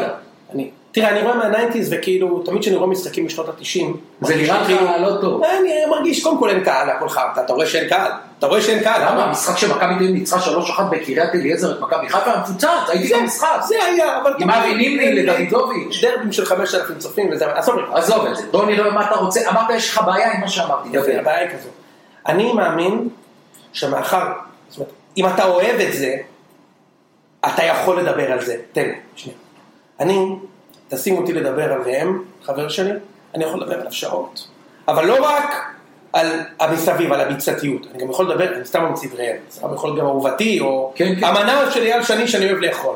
אני יכול לדבר על הפיתה המפגרת הזאת עם הכבדים שעה. למה אני אוהב את זה, ואני יכול לנתח את זה גם. עכשיו, אני לא צריך להיות פרופסור בשביל זה, גם אתה לא וגם אני לא. אבל אני יכול לדבר על זה באהבה, ואני יכול לה, לה, להעביר לאנשים את התחושה שאני צורך את המוצר. עכשיו, כשאני רואה, אני מאמין שאתה רואה כדורגל, אבל אני מאמין לך שאתה רואה כדורגל. רואה המון. אני מאמין לך. מאמין לך, באמת אני אומר לך, אני מאמין לך. לא בגלל שאתה פה, אני מאמין לך שאתה רואה כדורגל. אבל כשאני רואה ערוץ הספורט, אתה לא חייב להגיב, אני אומר לך את הבעיה שלי, מה שאמרת. אני לא מוכן לקבל את הנחת העבודה שהתקבעה אצלכם, שאין כדורגל, ולכן אפשר לזלזל בו. עכשיו, כשאני רואה את המתחרה שלך, למה? אבל אני, אני חייב לעצור אותך. אני, אני לא יודע איזה דוגמה אתה נותן, למשל אם אתה רואה אה, את הפרשנים, סתם דוגמה, את אה, בוני, אה, מודי ואלי גוטמן, הם בחיים לא ייתנו לך הרגשה שאין פה כדורגל בארץ. הם ידברו נטו על המשחק, הם יבקרו. זה כבר פרסונלי, אני מאמין, אני מאמין. לא, אבל אתה לא הבנת, יונתן, כשאני אמרתי אין פה כדורגל, אני התכוונתי, שמת לב שאמרתי לך אם אנחנו נדבר על ספרד וגרמניה, שם תשמע, הם מדברים על הכדורגל הכי טוב בעולם, את זה אין לנו. אבל לא. אין לנו הישגים, הנבחרת לא תגיע. אוקיי, אה, אה, אה, משה, אוקיי, אה, אתה נשוי כמה שנים? הרבה. יפה. אתה יכול לדבר על אשתך שעות? שעות, אני מת עליה. יופי. בשבילך היא שרון סטון, נכון? נכון. אבל במציאות היא לא שרון סטון. אתה עדיין יכול לדבר עליה שעות? בוודאי. יפה, אז לא רק על שרון סטון אפשר לדבר שעות. עכשיו, כשאני רואה אה, צ'רלטון, לצורך העניין, אתה לא חייב להגיב. ואני שומע את הפרי גיים, או את המיד גיים שלהם, עזוב שם גם חלקם גם חברים שלי, והנה הפוזיציה על השולחן, חלקם חברים שלי, חבר'ה. שרון שם הוא חבר והכל, אסף הם חברים. אבל אני רואה בעיניים שלהם שהם אוהבים את המוצר שמדברים עליו, והם יכולים לדבר ולזיין את המוח, סלח לי, על התרגיל בקרנות. אצלי רואים את התשוקה במשחק בליגה הזין אם יהיה בישראל. אצלך רואים את התשוקה. כשאני רואה את האולפן, אני אומר לך מה אני חושב. עזוב מה המאזינים שלנו חושבים, שאני מאמין שהם איתי שם. כשאני מסתכל, אני אומר, אין מצב שהם אוהבים כדורגל. אתה מבין? ככה אני רואה את זה. זאת אומרת, כשאני רואה. קשה לי להאמין שיש עיתונאי, פרשן, כתב, שלא זה כולל גם שחקני עבר. שלא אוהב כדורגל ונכנס לאולפן לדבר על כדורגל. אין, אני לא מאמין, משה, אני לא מאמין, אני לא מאמין לגוף, זאת אומרת, ואתם כאילו פותרים את, אתה תמיד אומר, לא למד, הוא לא למד אה, כדורגל בהרווארד, אתה צודק, הוא לא למד. אני, ש- שה- לפעמים אה, יש פרשנים שהיו שחקני כדורגל בנבחרת ישראל ורוצים להתנסות על, אה, להתנסה, להתנסה או להתנסות? להתנסה אני חושב, להתנסה על אה, נכון, שחקן, אה. על אחד שהוא לא, לא היה שחקן, אז אני אומר סליחה, אני לא יכול להתווכח עם רופא, כמה הוא לומד, אני יכול להתווכח עם טייס, אנשים שלמדו באוניברסיטה, הוציאו תעודה, וזה המקצוע שלהם, אני צריך להיות גמד, אני לא יכול להתווכח עם טייס איך להטיס נכון. אבל כדורגל, תוך כדי שאנחנו מדברים, מיליארד ילדים בעולם עכשיו עם גרביים משחקים, אז אתה יכול להתווכח איתי? אז, אז אני אומר ש... אני אומר לך את הפריזמה שלי, ואני אני, אני לא רוצה להיות יותר מדי יומרני, אבל אני באמת מאמין שאני מייצג ערב רב של אנשים. אוקיי. לא מקבלים ערך אם לא נותנים, ש... ברגע שאנשים נחשפו לפרי עץ הדעת, זאת אומרת אנשים רואים שידור של אה, קרגר באנגליה, או אומר לך אפילו רואים וואן, וואן בטלוויזיה, קופר, לבנטל. תשמע, אני מאמין להם שהם רואים כדור, אני מאמין להם שהם ראו חמישה משחקים, אני רואה אוהד רומא, אוקיי? אז אוהד שלם. ואני בא למשחק של רומא, ואני מרגיש שאני, מי מכיר את הקבוצה הזאת ממני? אני רואה כל משחק מגיל שמונה. וואלה, אני מקבל מהם value, אני מקבל ערך מהם, אני מאמין שהם ראו חמישה משחקים לפני שהם באו ונתנו לי ערך לכסף. וזה חשוב, וברגע שאנשים גילו שאפשר לקבל את זה, אוקיי? אז אנשים נורא אוהבים את זה, ולכן המדיום הזה נורא צומח, זאת אומרת, אנשים נורא אוהבים לקבל value, ואני אומר, תשמע, פרימו, בשבילי זה עצוב שאתה אומר, זה לא הרמה של ביירן. יאללה, נו, אז מה, מתי היית פה רמה של ביירן? לא, לא, לא, בוא נפריד, בוא נפריד. עכשיו לקחת את זה לכיוון של הרמה. אני אומר, אין כאן הישגיות בכדורגל הישראלי. זה נכון, מסכים. אין, זאת אומרת... אגב, אגב, בוא נפתח את הנושא. יותר מהכדורסל או פחות? כדורסל מכבי תל אביב באירופה היא אימפריה. אתה לא מסכים איתי? תגיד, משה, עזוב רגע. אתה לא מסכים איתי שנגיד זה שבניון שיחק בליברפול בחצי גמר צ'מפיון, זה פי 100 מהאליפות של מכבי כדורסל באירופה? לא, אל. איך, איך, אבל כדורסל משחקים ב-NBA. אתה מבין, בניון שיחק ב-NBA. נכון? לא, ההשוואה היא נכונה, אירופה של כדורגל זה NBA כדורסל. כן. מה אחי, זה מה אני אומר, כי תמיד אני חושב, לי מרגיש שהכדורגל הרבה יותר הישגי מהכדורסל, אבל לא משנה, עזוב. לא, אבל אתה נתת הישג אה, פרסונלי. אנחנו מדברים על כמועדון, אין שום דבר שמשווה למכבי כמועדון, כדורסל. כ- בעיניי כמועדון, הפועל תל אביב בצ'מפיונס ליג זה יותר גדול משלוש אליפויות כדורסל של מכבי ביורו ליג. כי הפועל תל אביב, או מכבי תל אביב, לא משנה מכבי אבל הם זכו ביורולי, אלה רק שיחקו. מה זה היורו ליג הזה? כל המאה הקבוצות הכי טובות בעולם לא משחקות שם. הן משחקות בארצות הברית. הבנתי, ההשוואה שלך היא נכונה. אנחנו, אנחנו צריכים להבין, וכולם צריכים להבין, שהכדורגל באירופה זה ה-NBA של הכדורסל. נכון. הכדורסל באירופה הוא מקום שני. זה, הליגה ליגה האירופאית. אוקיי? אין מצב שאתה רואה כדורסל ישראלי. מכבי הם לא מפסיד. לא, אבל כדורסל ישראלי. לא, לא. ערב הכדורסל, אתה לא רואה את זה בחיים. לא, לא, מה זה בחיים? אם אין כלום בטלוויזיה, זה יכול להיות ברייט. אם אין כלום בטלוויזיה, אתה גם לא תראה. לא, לא, עכשיו יש- נטפליקס. אבל אה, זה לא שאני שונא כדורסל, מכבי באירופה, אני אומר לך שאני רואה עוד מתקופת אה, ברקוביץ', אבל אם נסכם את מה שדיברנו, כן. זה לא אומר שאם אין לנו פה כדורגל, שלא נדבר על כדורגל. אנחנו כולנו מבינים, כל בר דעת שאוהב כדורגל בישראל, אוהב קודם כל את הכדורגל הישראלי. אני למשל, גם אם יהיה היום ביירן מינכן נגד דורטמונד, יראה את אשדוד נגד נתניה. אני איתך. שום דבר לא יכול לקחת אני איתך. ממני. ואתמול אם היה אה, לסטר נגד ליברפול וכפר סבא עם מכבי חיפה, אני עדיין בכפר סבא. אז מה שאני אומר לך זה, אל תפטרו את עצמכם מלדבר על זה לעומק, בגלל שזה אשדוד נגד רעננה. אני אומר לך, אנשים רוצים לשמוע, אני מסכים איתך. אנשים רוצים אבל אתה אומר לא. ברבים, אתה מדבר עכשיו על הקולגות שלי שאני לא רוצה לעמוד במקומם. אני בא למשחק מוכן. אני, כשאני מקבל, הלכתי לשדר לפני כמה שבועות פעם ראשונה את ביתר תל אביב בת ים. הפקת- אחלה קבוצה. אחלה, הפקקת ביתר תל אביב בת ים, אמצע טבלה בליגה לאומית. באתי, ישבתי חצי שעה עם היושב ראש ליאור שכטר, קודם כל כדי ללמוד את שני השמות של הזרים שלה, שפעם ראשונה אני נתקע. ומי מושאל ממכבי, ומי יש לו סיכוי להגיע למכבי לבוגרת. אני, שתשמע את התשוקה שלי, גם בליגה הלאומית, תשמע שאני באתי מוכן. ולמה אני אוהב ליגה לנוער? כי כשאני רואה ליגה לנוער, אני לומד את הליגה לנוער, ואיזה שחקן נוער נהדר שיעלה ממכבי תל אביב, מהנוער לבוגרים, אני אדע עליו. אני לא אצלצל למישהו לשאול מי זה דור מיכה שעלה מהנוער לבוגרים, אני כבר, אני, כבר אני יודע עליו. יפה. אז אה, אני אגיד לך מה עוד משהו שמפריע לי, תגיד לי מה אתה חושב על זה. רק מפריע לך, אין לך אפילו מחמאה אחת עליי, כלום. אני אגיד לך משהו, משה. אם היו שואלים אותי לפני ארבע וחצי שנים כשהתחלנו את הפודקאסט הדבילי הזה שאנחנו כבר כמעט במאתיים. למה אתה אומר כבר פעמיים אתה- דבילי? כי זה אם. יש לך עשרת אלפים אה, מאזינים, מאזינים, נכון. אז זה לא דבילי. בסדר, אבל אתה יודע, זה תחביב. אוקיי. תחביב שהפך ליותר, אבל זה עדיין תחביב. אם היו אומרים לפני ארבע וחצי שנים כשפתחנו את הקשקשת הזו, מה יקרה קודם, אתה חושב? אתה תלך תעשה הופעת אורח בערוץ הספורט, או פרימו יבוא אליך לתוך ה... כמובן, לא חיכה לך פה כן. כיתת יורים. רק אני פה יושב איתך והכל טוב, נכון? אבל אבל אני, אני אקצין, אם היו שואלים אותך אם תגיע לירח, או שפרימו יבוא אליך, היית אומר, אני קודם אגיע אז לירח. אתה מדבר, אז יפה, אז, אז היית, כן, אבל לא, לא בגלל שאני חושב שאתה ברק אובמה, בגלל שאני אומר, תשמע, למה שהוא יבוא, אתה יודע, כאילו, אז לכן אמרתי לך בתחילת השיחה, אנשים לא מכירים. לא אתה גם, אתה גם כתבת לי, אני אבוא. הכל טוב? אתה גם כתבת לי אני אבוא, שזה הכי... כן, ואני, גם, כתבתי לך, אני חושב ש... לא, אני אגיד לך, בעקבות מלא תגובות שאנשים אמרו, מה, לא להאמין, וזה וזה וזה, וזה", אז אמרתי לך, זה גם יכול להיות פיצוץ, כי אני רואה את התגובות של ה... אז אני אומר, שמע, אתה רוצה מחמאה? מבחינתי זה שבאת, זה אומר לך הרבה, זה לא פשוט, לא שאני חושב שאני פה שוחט אותך, אתה יודע מה זה. מזכיר לי? אבל באמת אני אומר לך, כל הכבוד שבאת, באמת. כאילו, יודע מה זה מזכיר לי? ואני גם אומר לך שזה טוב לך, כל הסיטואציה הזאת. לא רק שאתה פה, שאתה בא להתמודד וזה, שאתה בטוויטר, זה מראה משהו אחר אצלך, זה כן. על הכיפאק בשבילך. כן, כן, כן. וכן, אני מרגיש את זה. זה טוב לך, גם קצת מכירים אותך כבן אתה יודע אדם. מה זה מזכיר לי? היינו ב... הייתי עם אה, שני הילדים שלי לפני כמה שנים, מנצ'סטר סיטי נגד ברצלונה. אוקיי. בקאמפ נו. אוקיי. ונגמר המשחק,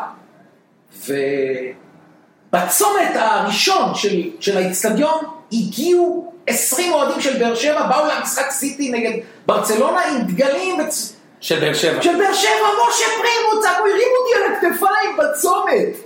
אמרתי, יאללה, אני זורם איתם, היו כאלה נכבדים, נתנו לי מחמאה וזה, ואז אנחנו נכנסים לא רחוק לשתות בירה, אני ושני הילדים עם מלא אוהדים של באר שבע. שותים בירה אחרי המשחק, בא אליי אחד ואומר, בחייאת פרימו, אתה לא נעלב ממה שיצפן עושה עליך בבובה של לילה? אז אני אומר לו, תגיד, שיצפן עושה אותי, אם אני הייתי ציון שלוש, אני ציון עשר. יצפן עשה נשיאים. אגב, מצלצל יום אחד ביצפן ב... כמה, כמה דמות של יצפן השפיעה עליך? כי אתה יודע משהו מצחיק? יצפן היה מדבר. יצפן הרי מקצין. היה מכיר אותו הכי מצחיק בעולם. אין בדרן כזה. והוא כל הזמן אומר, רק פה סקופ, אף פה סקופ. אתה אמרת פה את המילה סקופ יותר פעמים ממה שאני אמרתי שוד איך נהיה ציון?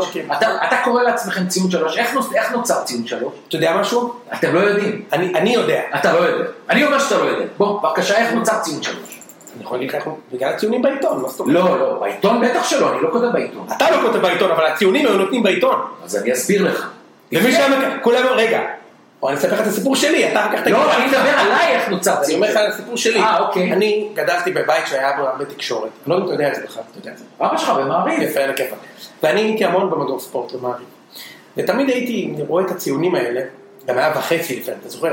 ציון חמש וחצי, לא רק... נכון, ארבע וחצי. ואני זוכר שהייתי אה, בן עשר, והייתי עם אביב עברון, היה ראשון אחרי צהריים, ובאתי אליו עם ספורט, ואמרתי לו, עשר או אחת עשרה, אמרתי לו, תגיד, למה כולם קיבלו ארבע, והוא קיבל ארבע וחצי? זה טוב. אז הוא אמר לי, הוא מדליף. אתה מבין? ואנחנו צחקנו, ואנחנו- אני צחקנו. עד היום יש את זה, אנחנו 2020 ואני חושב שיש את זה. אז מי שמדליף לעיתונאי לא יכול לתת לו ארבע. אז ארבע וחצי. זה בול- בולט. אבל תשמע איך נוצר ציון שלוש, אתה לא מאמין. לפני עשר שנים, שער השבת. בפעם הראשונה בא העורך ואמר, אה, במקום לתת כותרת, כל אחד יבחר שחקן או מאמן וייתן לו ציון. אני זוכר אז, איציק זוהר, אה, שש. דני ענבר, אה, שבע. אני כל שבוע, מה חיפשתי? את החלש, לא את המצטיין. הם הרי ידעתי שהם נותנים את המצטיינים 6, 7, 8, אני מחפש. אלי מחמוד, הפועל פתח תקווה, ציון שלוש, תבין, תבין. עכשיו כל שבוע, ציון שלוש. פתאום נוצרה בובה של לילה. בא אליי העורך, אומר לי, תגיד, אתה יודע מה קורה בשער השבת עם הציון שלוש, אנחנו מתים. ואני חזרתי על זה כל שבוע, שהם נתנו שבע, אני נתתי שלוש. זה השלוש האורגינל, שתזכור. מאוד מצחיק. מצחיק. אה, תגיד רגע, כשאתה, אתה, אה, איך אתה, אתם, איך אתם רואים, נקרא לזה אותנו, אוקיי? את- כאילו את התקשורת האלטרנטיבית, אנחנו לא גוף תקשורת באמת, כן? איך, איך אתה רואה את זה? אתה לפני שבאת לפה, איך הרגשת? יש פה מהפך במדינה. כי היום אה, יש מיליון עיתונאים. פעם מי היה כותב? היו כותבים רק העיתונאים. מי היה משדר? רק השדרים. כשיש רשתות חברתיות, העולם השתנה. איך נתתי לך דוגמה לפני כן? אם בן אדם יכול עכשיו לשבת בבית, לפתוח את המחשב או את האייפון, ולהקליד נגד ראש הממשלה, אתה מבין את המהפך שנעשה פה? כן. זאת אומרת, גם לפני שבוע הייתה איזו כתבה שראיינו אותי, אמרתי, הרשתות החברתיות היום, זה לא מה שהיה פעם, יש להם מילה. תשמע, אתה רואה בטוויטר דברים שקורים, אחרי זה הם אה, מצוינים בערוצי החדשות. זאת אומרת, זה לא משהו צ'יפס. יכול להיות שבפייסבוק לא לוקחים, כי לא ראיתי במי, אבל אם, אם ביבי או ריבל- ריבלין רוצים להעביר מסר, אפילו העיתונאים הבכירים של אה, קשת ורשת.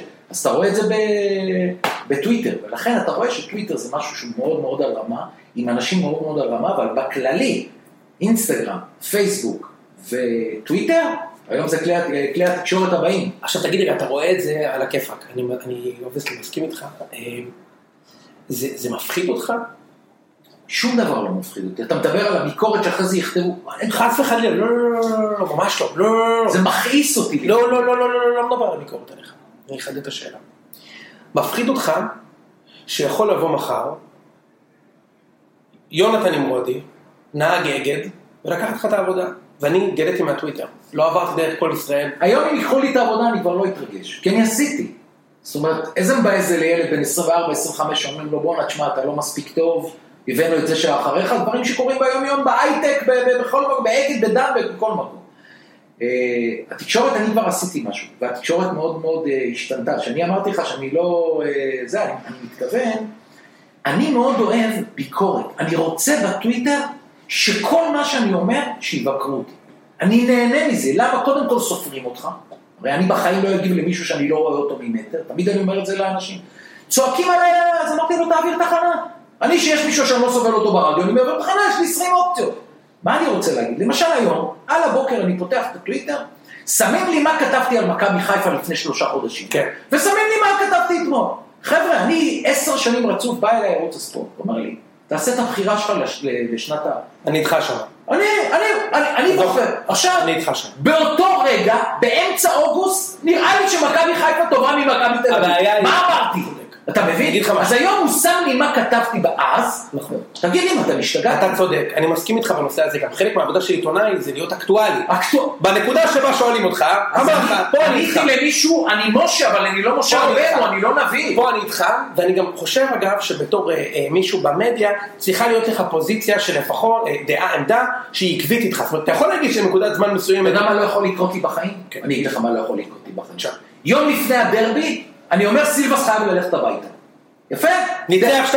ניצח 2-1, אני אבוא ואגיד חייב להישאר. זה צ'יפס. אתה עדיין. חושב שאתה צריך ללכת הביתה? לא, אה, אני- לא אני יקרה. נתתי דוגמה. אני להפך, אני כבר השתניתי בעניין של המאמנים, שאני אמרתי גם לשום וגם ליואב כץ בשידורים, לאט לאט, וראית את השניים, יפה. מנצחים את מכבי חיפה. יפה, אז בוא נדבר גם על זה, משהו פה שאני לא יכול לסבול אותו, ואני אוהב שאתה אומר שאתה קצת אה, משנה את זה אצלך. יש פה איזה משהו, אגב, לדעתי זה לא קשור לכדורגל, זה בגלל שאנחנו מדינה, אתה יודע, למודת מלחמה, יש פה עניין של גנרלים, כולם גנר... כל הזמן יש פה עניין של להאשים את הגנרל. נגיד, הקבוצה מנצחת, המאמן ניצח, שש משש. המאמן הפסיד, עשו לו בית ספר. עשו לו בית ספר, פעם, אתה יודע, פעם מכבי הפסידו ולא עשו להם בית ספר, כל הזמן מפסידים בית ספר. אה, ישבו אחת אחת, איזו עבודה מנטלית, וואלאק, לא, זה לא הסיפור תמיד, ואני אני שואל אותך האם אתה רואה, אני רואה בזה כקיצור דרך, אתה מבין, כאילו, כשאתה לא רואה את המשחקים, אני מתחבר לנקודה הקודמת, לא מדבר עליך, כשאתה הפרשן, כן. את או אתה, לא רואה את המשחקים, אתה מסתכל על התוצאה, אתה אומר, וואלה, קובי רפואה, מאמן מצוין בקריית שמונה. אה, ניצחו שני משחקים רצו. כן, אגב, דווקא מה שקורה בקריית שמונה זה ההוכחה הכי טובה להשפעה המינימלית, למה שנה שעברה קריית שמונה היא הקבוצה הכי גרועה שראיתי בליגה בשנה שעברה, הם היו פחות טובים מנס ציונה, מקווה שתסכים איתי, ניצחו בדקה האחרונה. הביאו לו שני שחקנים בחלק הקדמי שמעיפים עליהם כדורים, כן. ופתאום הוא מאמן העונה. כן. מה תגיד לי, מה הוא קשור לזה אני אגיד בכלל? לך, אני אגיד לך את השינוי שעשתה נתניה. שריימון... הוא מאמן טוב. ריימון אטפל, עכשיו, אני לא התאמנתי אצלו, ואני בסך הכל שידרתי משחקים של בית"ר תל אביב. הוא מאמן טוב. אבל אם אלמוג כהן אומר לי, כן. פרימו, אני עשר שנים הייתי בגרמניה, היו לי ים של מאמנים גרמנים, אין מאמנים כאלה, הוא אומר.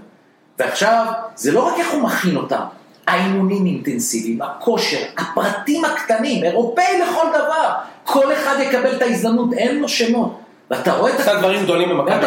כן, ואתה יודע מה, אני לא פוסל, הנה אני אומר לך את זה פה, לא פוסל, שעוד שנה, שנתיים, אם הוא ימשיך ויצליח במכבי. נתניה, אולי גולדר יגיד, הגיע זמנו. אני, חושב שזה אפילו התכנון. הוא עשה דברים גדולים במכבי, הוא המציא את האקדמיה של העילית, כאילו, שחקנים של העילית. המחוננים. של המחוננים, בדיוק, הוא עשה את זה שם, הוא עשה... הוא איש כדורגל אדיר. כן, כן, כן. אבל אני מסכים איתך. עכשיו הפועל חיפה, אפסים, אפסים, אפסים, חנן ממן וברסקי בהרכב, סילבס מצוין. לא, הוא קיבל את ברסקי של עלי ל- להפועל מי חיפה. שעושה, מי שעושה, זה השחקנים את המאמן ולא להפך. אני מסכים. אני מסכים. מה אתה אומר על מכבי חיפה אגב? שמע, אתמול אני לא האמנתי, כל מי ששאל האמנתי. אותי אמרתי מכבי חיפה. בכלל לא קמתי מהספה בגולים של כפר סבא, כי אמרתי, לא יכול להיות שמה שאני רואה זה אמיתי. זה לא יכול להיות... אני כבר לא מדבר על היכולת הטובה של כפר סבא במחצית השנייה. חיפה. אני אומר, אני לא יכול, לא, אני לא מאמין שזה... למה כתבתי ישר אחרי המשחק, אל תדברו איתי על אליפות עד הודעה חדשה? שמע, כתבו לי אוהדים של חיפה פלניץ', בוואטסאפ, אוהדים כותבים פל...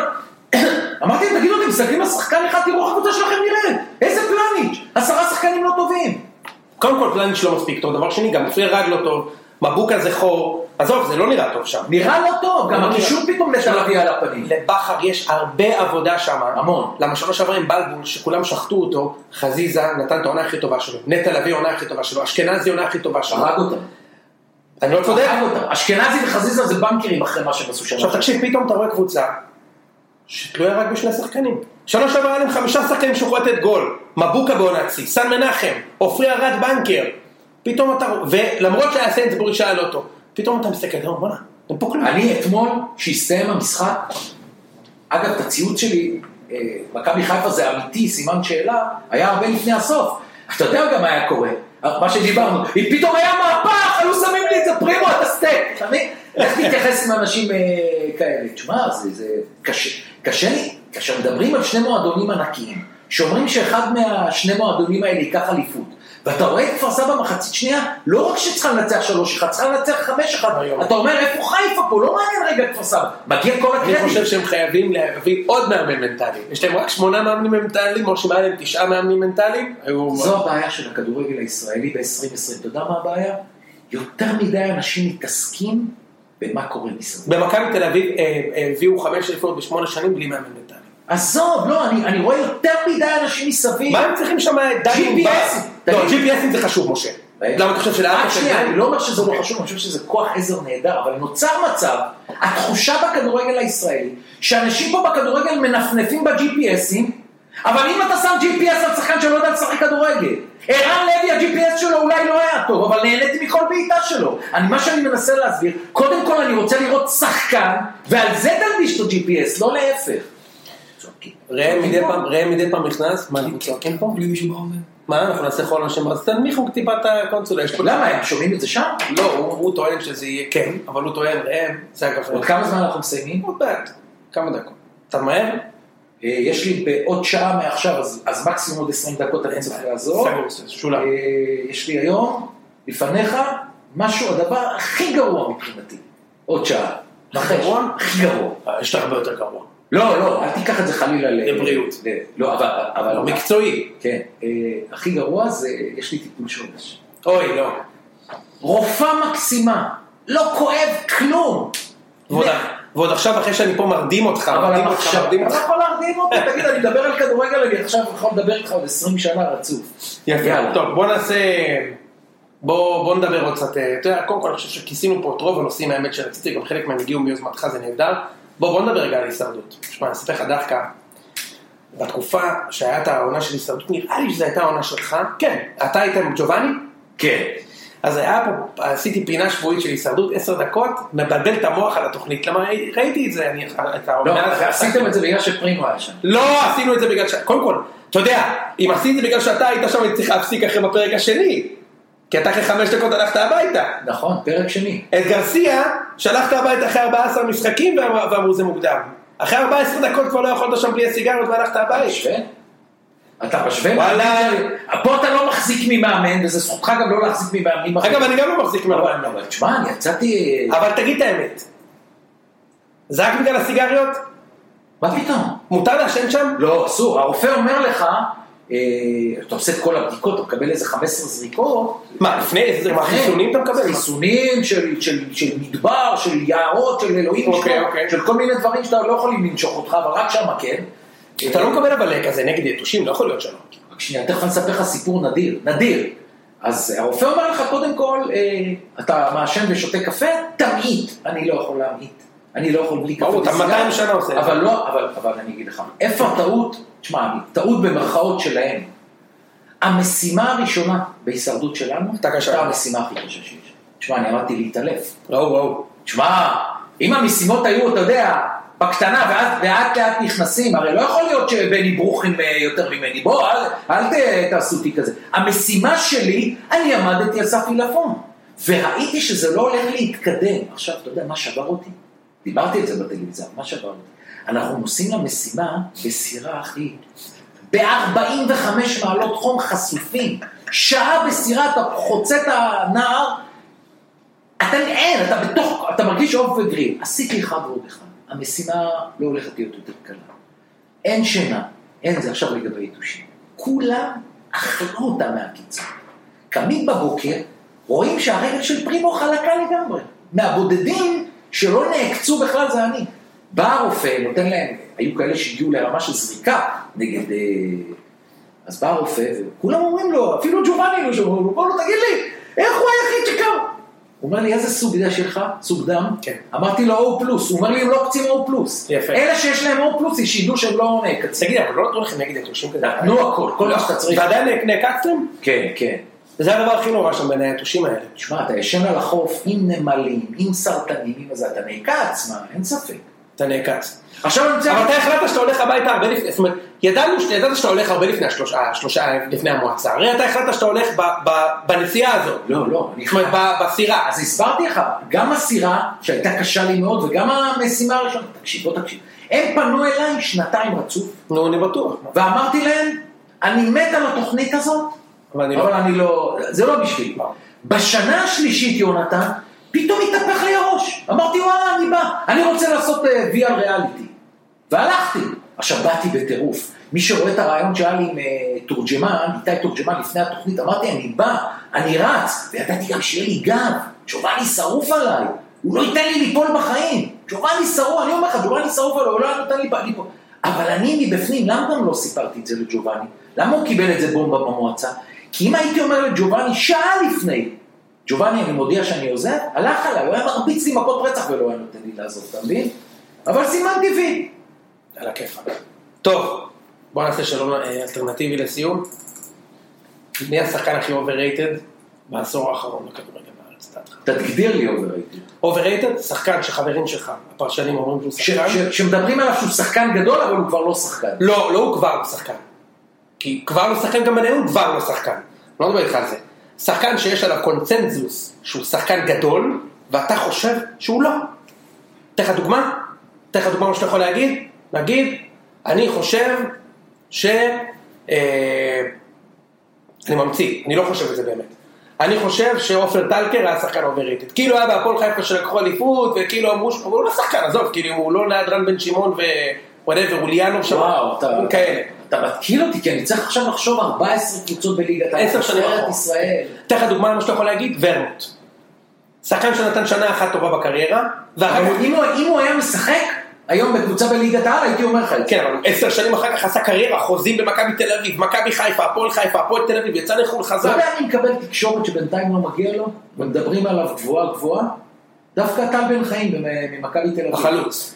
כי באמת הוא לא שיחק המון זמן בצ'כיה.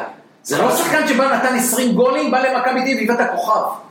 הוא לא שיחק, הוא עבר את... אבל אם אתה רואה את ה-15 שנה קריירה שלו, הוא נראה לך שהוא עמד הוא בציפיות, היה בתקופה מצוינת, במיוחד בגול שהוא שם על בופון, אז כן. בתקופה, הוא היה בתקופה אתה לא מצוינת. יכול להגיד לי שחקן שאתה חושב שכאילו כל החברים שלו אומרים, ואתה אומר בואנה הוא לא שחקן, עזוב, הוא לא שחקן, הוא שחקן אבל הוא לא שחקן. אין היום מישהו בתקשורת שאומר על מישהו שהוא גדול, ואני חושב שהוא חלש. אבל שאמרו עליו שהוא גדול, אתה אומר בואנה הוא לא שחקן, עזוב. וואי, וואי. תחשוב. וואי, גם אלירן עטר אני מחזיק. למרות שהוא לא טוב, אבל אני מחזיק ממנו. עכשיו הוא לא טוב, זה לא אומר שהוא לא, שהוא overrated. בדיוק. אתה מבין מה אני אומר? בוא תחשוב, קח את הזמן. מישהו שאתה אומר, כל הזמן אומרים עליו שהוא, אמרו, אומרים שהוא שחקן, אני אומר, מה, אני רואה אותו, הוא לא כזה שחקן. אתה לא יכול להגיד דבר כזה? יש לי, תן לי. נתחו. נתחו, או, זו דוגמה קלאסית. נתחו. נתחו, נתחו גם שהיה כוכב. הוא הרי עשה קריירה, נוער הפועל תל אביב. אני חושב שהוא עושה את הקריירה מבחינת מספר משחקים, בטופ של הישראלים בכל הזמן, אני חושב שיש לו 400 הופעה באירופה או משהו. הוא, הוא, זה, אתה מבין? קריירה לא- לא תיאמן, משה. אני אומר לך שבין מה שאני חושב עליו כשחקן לבין מה שהוא עשה כל כך הרבה משחקים באירופה ובנבחרת, לא מסתדר לי בראש שני הצדדים. לגיטימי, אבל אתה אומר את זה, אתה חושב שנים שהוא לא טוב. לא שעכשיו... לא, אני אומר שבנבחרת הוא לא צריך להיות בשנתיים שלוש האחרונים. עכשיו כולם מצטרפים, כולם כותבים נתחו נתחו. אני כותב את זה כבר שנתיים שלוש, כמו שגם כתבתי שנתיים שלוש של אה, יוסי בניון. ויוסי בניון מהגדולים בהיסטוריה. איפה אתה שם אותו? בדירוג? אני תחת הכי גדולים שלי, אבל אני לא אדרג מאחד עד לא, אל עשר. תדרג אחד עד עשר. תראה, אני הולך לפי שנתונים, אוקיי? לפי שנים. אבל תן לי מהכדורגל המודרני, אל תגיד לי ששיחקו פה בכדורי בוט. שפיגל ושפיגלר לא להיכנס? אתה- אם אתה אם אתה חושב שהם כן, אז תכניס. שפיגל ושפיגלר? אחד ושניים. סיני, מלמיליאן ואוחנה, חמש. ברקוביץ', רביבו, בניון, שמונה. זהבי, תשע. עכשיו תראה מה עשיתי כאן. עשיתי עוול לשחקני הגנה. דוד פרימו, הקרוב משפחה שלי, הבלם הכי גדול בהיסטוריה, דוד נולד 50 שנה... אה, לא השחקן. מוקדם מדי. אז שחקן ענק, תשאל את אלה שראו את הפועל תל אביב. לא. אתה יודע איזה טעות עשיתי? תשמע. לפני 20 שנה בערך, פנו אליי ידיעות אחרונות, אני יושב ליד דני דבורין באולפן הרדיו, פנו אליי, צלצל לנו מוישה לשיימן מידיעות אחרונות, אמרו אוקיי. שהם בוחרים את ה-11 הכי גדולים בכל הזמנים, שהם מבקשים ממני ומדני דבורין להעביר להם. בחרו 50 עיתונאים, אם אני לא טועה, להעביר את ה-11 הכי גדולים בכל הזמנים. דני דבורין אומר לי, שלא תעז. אתה מכיר אותי, אני כל דבר תן לי אדרנלין, אמרו לו, מה, מה זה דני לא תעז? אני שם. דני לא שם, אני שמתי. אתה יודע מה קרה לי? שני כוכבי על בכדורגל הישראלי שהייתי איתם ביחסים מצוינים, לא דיברו איתי. עזוב מי. והכי חמור, באותה שבת הלכתי לשדר את הפועל תל אביב בבלומפילד. אני מגיע לבלומפילד, בכיף שלי, הולך לשדר משחק של הפועל, שירים ושערים, מדבר איתך 20 שנה. פתאום, יונתן, משום מקום, איזה 20-25 אוהדים של הפועל, אתה לא מתבייש! איך לא שמת את חודורוב? אבל אמרתי להם, תקשיבו, אני שמתי את מי שראיתי בעיניים. את חודורוב לא ראיתי, אתם, אני שמתי את ויסוקר, כי ראיתי אותו, הוא הגיע למונדיאל, את חודורוב לא... אתה יודע איזה התנפלות שלא שמתי את חודורוב ושמתי את אה? גם עכשיו אגב שכחת רוני רוזנטל. רוני גם בעשירייה. כן, כן. כן. אמרתי לך, זה קשה לי ואנחנו עושים עוול, אבל שים את כולם, כולם, כולם, כולם, תאסוף אותם. נו עכשיו תגיד רוני קלדרון. יפה. איך ידעתי? מבחינת כישרון, כן. תאסוף את כל אלה שאמרתי, תעשה שחקן אחד, זה רוני. אף אחד לא ראה את רוני. ידעתי שתגיד את זה אבל. עם עובדות. זו קבוצה הכי טובה בעולם, עם השחקן הכי טוב בעולם, עם המאמן הכי טוב בעולם, אומרים לו בוא נשחק. לא מבחנים כמו היום, בוא תבוא לי מבחנים. בוא נשחק ליד יון קרויף. מיכלס הגדול. שיחק שם אבל איתו? אה, אתה לא יודע את הסיפור שם עם חיים נוריאלי, עזוב, לא ניכנס. עזוב, לא ניכנס, לא. עשה טעות, בוא נגיד ככה, אם לרוני קלדרון היו מלבישים את הראש של גיורא שפיגל, המוח, לוקחים את המוח הזה, שמים, לא היה לנו שחקן בהיסטוריה כזה, עולמי. מי ה... יודע, שאלה אחרונה. מה הפספוס הכי גדול בקריירה שלך? ואני מזכיר לך, לא מדבר על זה שפספסת את תחנה 32 ברחוב כצנלסון. לא, מה זה, מה אתה. לא, זה שטויות, לא היה דבר כזה כנער אוטובוס, ממש לא. יפה. מה אתה? מדבר פספוס מה, פספוס קורט, דברים כאלה? משהו, לא, אתה תגדיר את התשובה. השאלה שלי היא, משהו שאתה מסתכל, אתה אומר, אתה יודע, אם היית גבר, היית אתמול אומר לי, תכין תשובה לשאלה שתגיע בסוף, מה הפספוס? כי אני צריך עכשיו 60 שנה להכניס לחיים. בשביל זה אני לא עיתונאי, ואתה כן, אתה צודק. בטח, זו שאלה של לגלגל 60 שנה עכשיו. אתה יודע משהו, אני לא מאמין לך, כי אני מאמין שלפני שאתה הולך לישון לפעמים, לא כל שעה, כל יום. אבל אתה אומר פספוס. אבל פעם ב' אתה מסתכל ואתה אומר, יאללה, איך לא, איך לא עשיתי את זה? לי למשל יש פספוס, שלא הייתי בסיירת מטכ"ל. פספוס, אני רציתי ופספסתי את זה, ואני כועס על עצמי עד היום, כשאני לא נרדם ואומר, אתה יודע מה? איך לא היית במטכ"ל? אם אתה לוקח אותי לשם, אז בהחלט פספוס. הייתי אחלה שחקן כדורגל, אחלה שחקן. סיימנו את הנוער בהפועל רמת גן, זכינו באליפות. הגיע לאמן את הפועל רמת גן בליגה ראשונה, בליגה ראשונה הם עלו ליגה הפועל רמת גן, ליאון קונסטנטינובסקי. אני בן 18 עם כל החבר'ה שזכינו באליפות הנוער, כל קבוצת הנוער עולה לבוגרים. גם אני עולה לבוגרים. מה קרה לי? התגייסתי לצבא. כל החברים שלי הסתדרו בצבא, אני התגייסתי להנדסה קרבית. היית לוחם? הנדסה קרבית חודשיים, קראתי גיד אכילס, אז גם ככה לא היית יוצא שחקן לצערי. אבל, אבל אם אני הייתי מסודר, ג'ובניק, ומשחק, הייתי משחק היום, בלי, הייתי, היו לי הופעות בליגת העל בכדורגל, כי הייתי שחקן טוב, הייתי שחקן טוב, הייתי בסגנון של, אה, לא כמוהו, אני נותן לך שם שתבין איך שיחקתי, בסגנון שלו, אבל בטח לא כמוהו, בסגנון של קקה.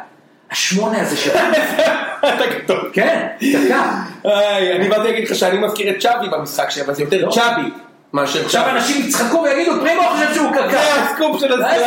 זה היה הסגנון שלי, שיחקתי ככה בילדים, נערים, נוער, יש לי מלא תארים, הייתי שחקן ממש טוב, פספסתי שלא הייתי מקום למגן בבוגרים. יפה. יפה מאוד. שמע, משה, זה היה שעה 35. אמרת לי שעה מקסימום. אבל היה שעה וחצי. נהנית? בטח, נכון? מאוד. פנטסטי. אני אמרתי לך, גם אם אנחנו רוצים להיפתח אחד לשני, אתה צריך ארבע שעות. אמת אמרתי לך את זה? אמרת. אי אפשר את משה פרימו, סליחה שאני מדבר בגוף שלישי, לסיים בשעה וחצי. זה, זה מטורף.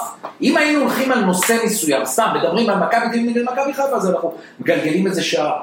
אבל לעטוף אותי, והלכת על הישרדות, ועל דת, וכל ישראל, וערוץ הספורט, וטוויטר, וזה, זה, אתה מסכים איתי ששעה וחצי זה אני צ'יפס? חושב שהצלחת אבל לא רע. לא, אין בעיה. אני מקווה שגם, אה, שזה יעלה, שזה יעלה בצורה כמו שדיברנו. יפה. אם אתה צריך פנסטיל, אגב, בדרך החוצה מכל העקיצות שאכלת פה, אני אביא לך. אני לא הרגשתי אפילו לא עקיצה אחת. מצוין. אתה יודע למה? אני שמח. עקיצה זה שאין לך את ההזדמנות לענות. אתה יכול לעקוץ אותי, אבל ישר אתה מקבל את הבום בחזרה, אז אין עקיצה. משה, תודה רבה. תודה רבה לך.